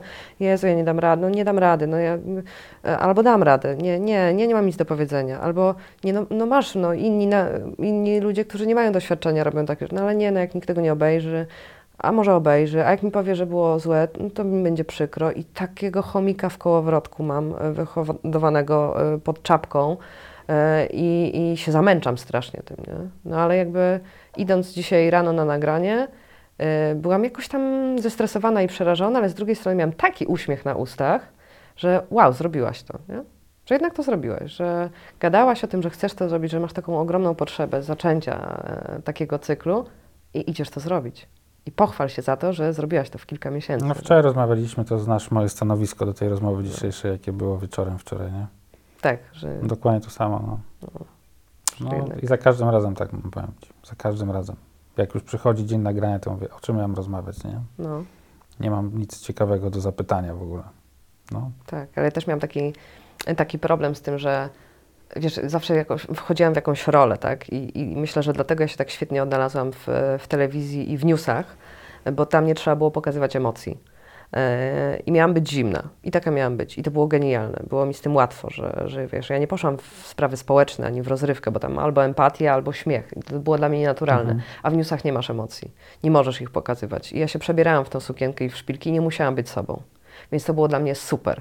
E, I takie przestawienie się, że okej, ja teraz mogę rozmawiać po prostu po partnersku albo dzielić się, że nikogo nie muszę odpytywać, jest takie ah, fajne, uwalniające i, e, i, i wreszcie coś, co, co czuję, bo mogę porozmawiać o wszystkim, bo ja się do każdego tematu e, przygotuję, tylko ja po prostu odpytam, tak? A w takich rozmowach wydaje mi się, że, że one są potrzebne. e, Wynikły też z takiej mojej złości na nieświadomość e, wielu osób. Ym, Czym jest depresja i jak, jak podchodzić do depresji? Bo mm, nie, nie wiem, jak jest w przypadku mm, alkoholizmu, ale w przypadku e, depresji jest taki wstyd, żeby powiedzieć komuś, chyba mam depresję, no bo spotykasz się z tymi komentarzami. No Jezu, przestań, no życie jest trudne po prostu, tak? Przestań się mazać. mięczakiem, tak. Przestań się użalać nad sobą, po prostu Tak. weź się do roboty. E, Każdy ma ciężko, ja mam ciężko, ten ma ciężko, a ty wiesz, że, że okej, jest ci ciężko, ale jest ci tak ciężko, że wstajesz i nie widzisz sensu w tym, żeby iść pod prysznic, nie? Jakby nie widzisz żadnej motywacji, jakby siedzisz w fotelu e, i wiesz, że trzeba poodkurzać, ale nie widzisz najmniejszego sensu w tym, żeby poodkurzać, że jakby wiesz, że ten, marzysz o tym, żeby ten dzień się skończył, albo żeby jakby wszystko się skończyło, nie? Że, że wiesz, że nie dasz rady wyjść na dwór. Albo Mia- Miałaś takie ostateczne myśli już? E, tak, tak, ale mm, rozmawiałam o tym z, z lekarzem i e, on uznał, że, że to nie było realne ani zagrażające, ani niebezpieczne, bo, e, bo miałam takie ostateczne myśli, ale w związku z tym, żeby Jezu, niech to się jakoś skończy, nie? W sensie takim, że albo niech mnie ktoś, e, nie wiem, da zastrzyk, zamknie, niech ktoś to przejmie, tak? E, Ja nie chcę się już sama z tym zmagać. E, Więc to, to było bardzo ciężkie. To jest często też niestety towarzyszące mm, temu wstępnemu okresowi, jak bierzesz leki. Jest to, jest to trudne, ale trzeba to, wydaje mi się, że ja po prostu to, to, to przyjęłam, tak? Próbowałam to, to odganiać, ale potraktowałam to e, sama siebie w tej sytuacji e, dosyć łagodnie. Myślę, że, że absolutnie nigdy nie, nie miałam takich planów. E, To są jakieś myśli, które się pojawiają w, w fazie depresji z takiej no, bezsilności, nie? Że, że jakby nie wstajesz z łóżka nie dlatego. Ja na przykład nie miałam tak, że, że nie wstawałam nie dlatego, że, e, że nie mam siły e, zmierzyć się z dniem, tylko pewnego dnia po prostu nie byłam w stanie wstać, bo e, no, mięśnie mi siadły, nie? że jakby ten organizm już tak powiedział nie. I ja próbowałam i nogi mi się nie ruszały. Nie? I potem się przestraszyłam tego, co się dzieje. Gdzieś tam w tej adrenalinie wstałam, ale, no, ale te, te opcje, połączenie ciała i umysłu, też nie lubię tego sformułowania, ale do, do niego doszłam, jest niesamowite i mi ciało bardzo dużo daje, nawet nie tyle znaków, e, ile mm, bardzo odchorowałam to fizycznie też. Nie? Takich... e, przeszłam taki turnę po lekarzach, jak zmieniłam zawód. e, Przeszłam turnę po lekarzach, bo nagle zaczęłam się strasznie czuć, po prostu strasznie. I chodziłam po lekarzach i oni pytali, czy ma Pani stresującą pracę? Ja mówię, że nie, no właśnie zmieniłam zawód. Już nie będę się stresować. No i jakby pytali, co robiłam i mówili, że organizm właśnie teraz te 10 lat odchorowuje. Nie? I mi się jakoś tak e, wszystko totalnie e, rozleciało. Totalnie nie dbałam o to ciało, od środka, o, o jakieś odżywianie, jakąś higienę snu. E, I to mi się wydawało takie, takie bzdury, takie widziałam w takiej planszy mm, cztery punkty do szczęścia. Śpi, jedz, spaceruj. No co to ma być? Co, co, ma, co mi da spacer, tak? Ale jakby w pewnym momencie życia ten spacer był jedyną rzeczą, którą ja byłam w stanie zrobić. Teraz ten twój dzień jak wygląda? Bo ty rozumiem, już zaczęłaś, teraz jesteś w terapii cały czas, tak? Tak, jestem w terapii, jestem w terapii I trafiłaś indywidualnej na człowieka, który cię zaczął po prostu ustawiać tak, wykonuj jakieś czynności. Tak, mam takie zalecenia y, od, ym, od psychiatry, który jest specjalistą od y, zaburzeń snu i jakby y, od tego snu wychodziliśmy. Y, No muszę przestrzegać bardzo dużego reżimu. Ostatnio miałam kryzys y, w tej kwestii, ale nie biczowałam się tym strasznie. Nie? Miałam taki kryzys właśnie wstawania i, i jedzenia, ale y, przyjęłam to jako ciężką reakcję na listopad i grudzień. Po prostu mnie e, taka zima dojechała. E, pierwszy raz coś takiego miałam, bo, bo, bo zawsze pędziłam, pędziłam, pędziłam, pracowałam, a teraz jakby robię mniej, mm, zupełnie świadomie i, i odczułam ten listopad i grudzień, ale według takiego reżimu, w którym ja się czuję najlepiej, mam budzik nastawiony na siódmą albo ósmą i to jest budzik w drugim pokoju, że on nie może być przy, przy głowie, no bo wtedy w- jest drzemka i hej. Ja po prostu muszę wstać, wziąć prysznic, wziąć leki, e, e, zjeść śniadanie, podczas którego nie patrzę w internet, nie słucham niczego, skupiam się na tym jakby. Mm, Muszę iść na spacer e, i notuję rzeczy, które, które zrobiłam w ciągu Jak, dnia. jaki, to, jaki to długi spacer jest poranny? O, rano robisz, tak? Po śniadaniu od razu? No staram się e, rano po śniadaniu. Starasz. Chwilowo jestem, mm, obijam się strasznie, Okej. i, ale wiesz, noworoczne postanowienko No, jest. No. Nie, noworoczne postanowienia No. są do dupy. No. E, Wiesz co, staram się robić dziennie 10 kilometrów. 10. No, No to już ładnie. tak, No. spaceruję dwie godziny.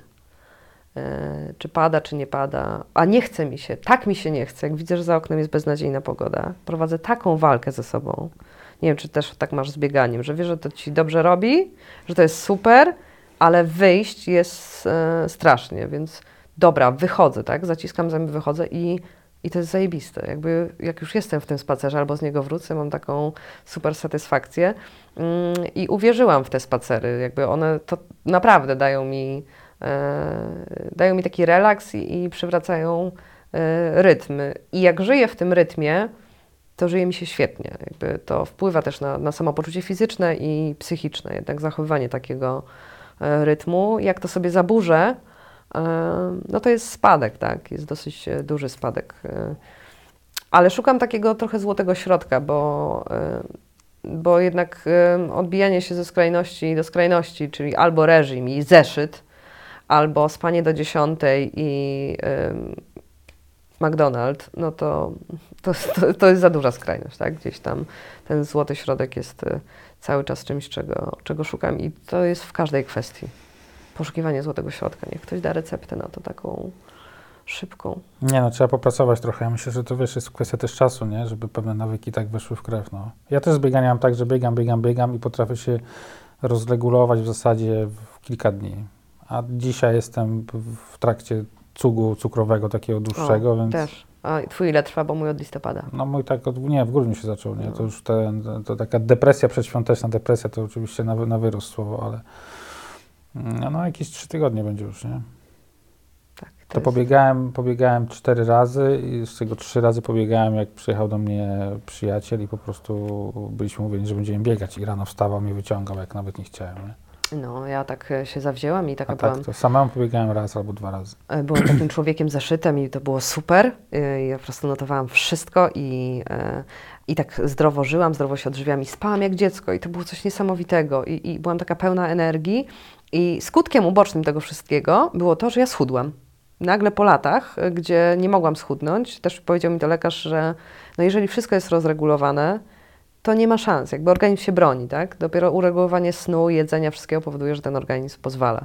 E, I schudłam i czułam się tak super i sobie teraz przytyłam. Na zimę. Ja też. No ale sobie schudnę. Takie. E, Ale już się za to nie, nie biczuję tak strasznie, nie? Tak, no ja, e, ja, ja, ja niestety wchodzę. No cały czas jestem w takiej fazie, że muszę dojść do takiego momentu, kiedy e, mam takie obrzydzenie do siebie, że następuje przekliknięcie w głowie i jestem już w takim bojowym nastawieniu już i, i trenuję i się odżywiam wtedy. Czyli tak na hura, na mocno. Na hura, na mocno, tak. No. Nie potrafię, cały czas z jedzeniem nie potrafię się dogadać. Z innymi rzeczami potrafiłem, natomiast tutaj cały czas. A powiedz mi taką rzecz jeszcze. Co takiego najgorszego robili ci e, twoi bliscy?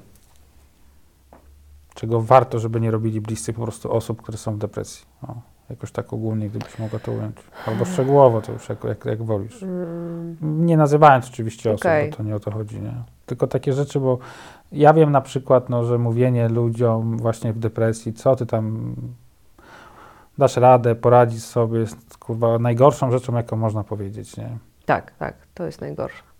No, to jest takie, takie niezrozumienie, ym, że trochę przesadzasz, trochę wymyślasz, trochę, no bez przesady, że, że życie tak wygląda, że okej, no trochę ci się w dupie poprzewracało, wiesz, że to jest jakiś taki, mm, nie to, że wymysł, ale mm, no, że może nie jest tak do końca, jest y, czymś najgorszym, co powoduje też y, taki wstyd w tobie, nie? że może faktycznie, że jakby ja przeginam, tak, że, mm, no, że tak trudno ci uwierzyć, że odczuwasz taki gigantyczny y, wstyd związany z, y, z tym, że wymyślasz sobie coś, nie? Że, y, że wymyślasz sobie tą chorobę i na nią zrzucasz na przykład lenistwo.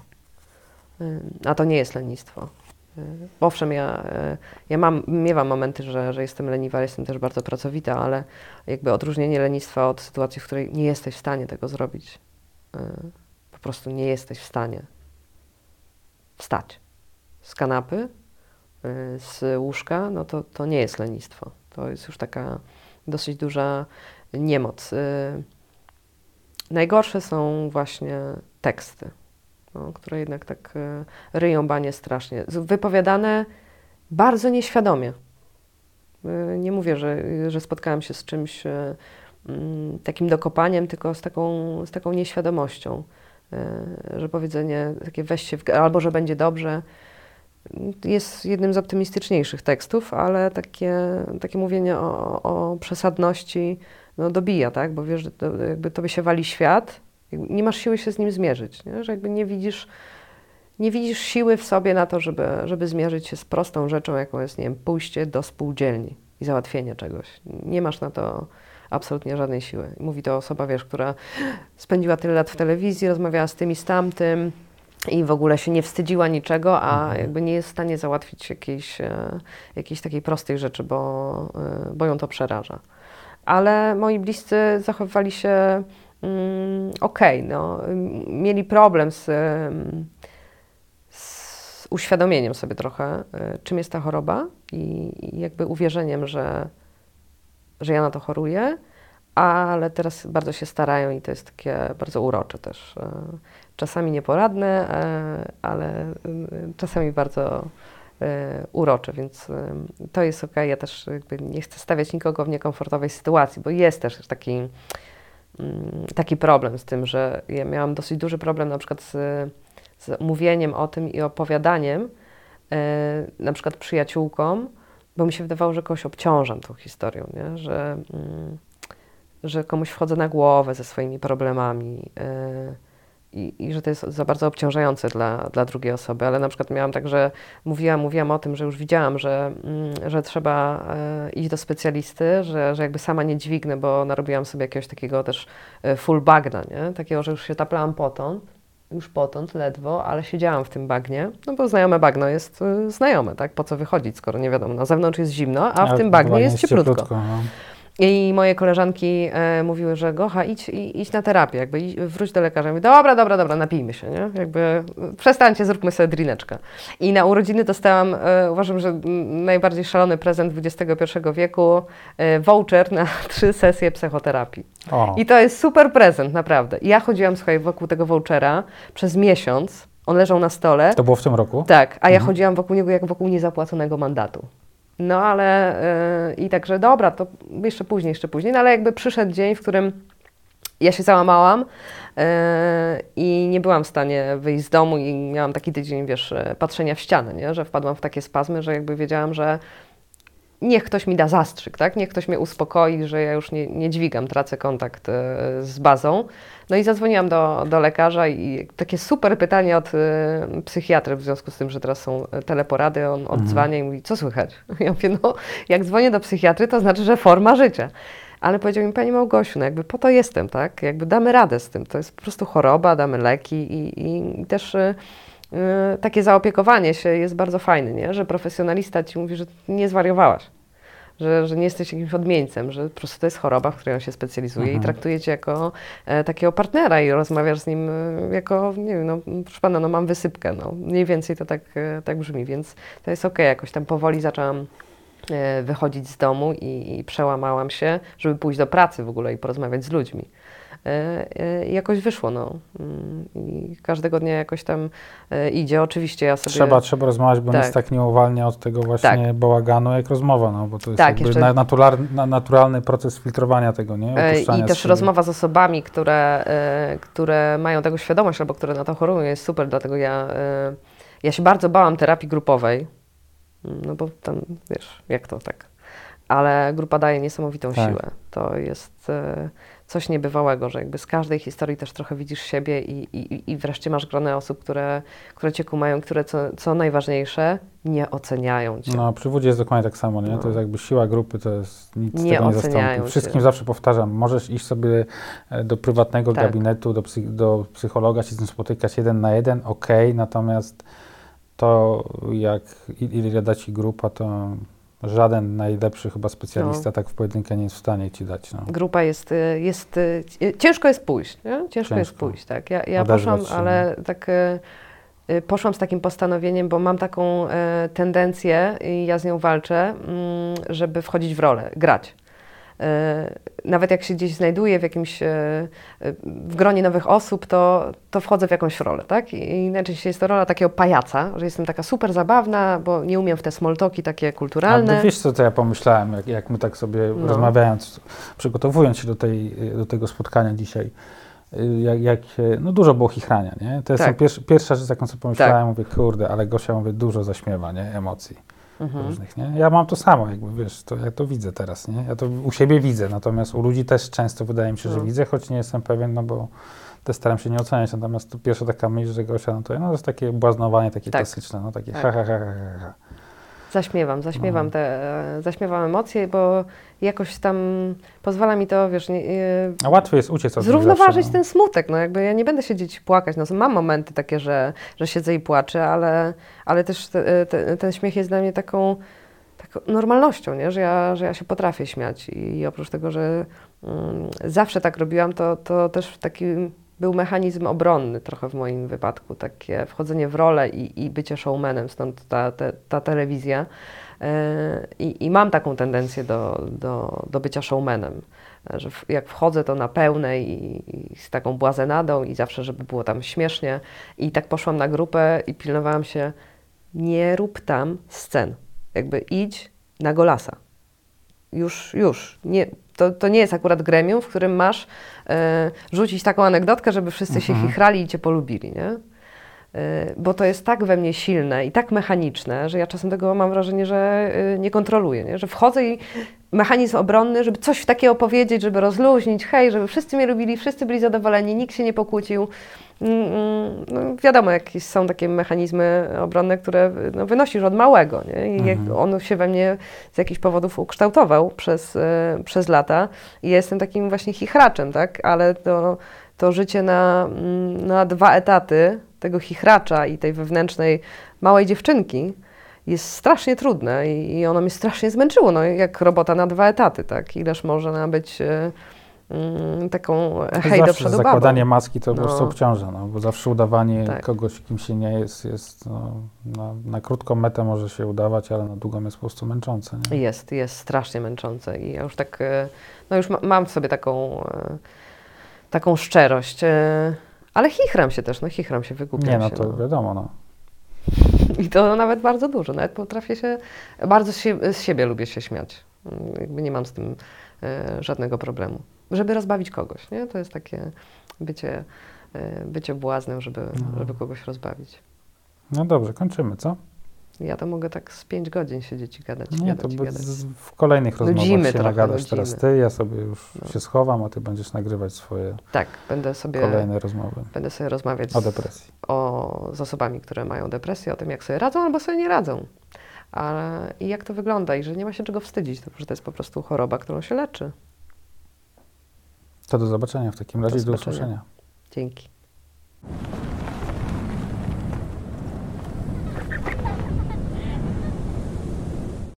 Ten program oglądałeś dzięki zbiórce pieniędzy prowadzonej na patronite.pl ukośnik sekielski. Zostań naszym patronem.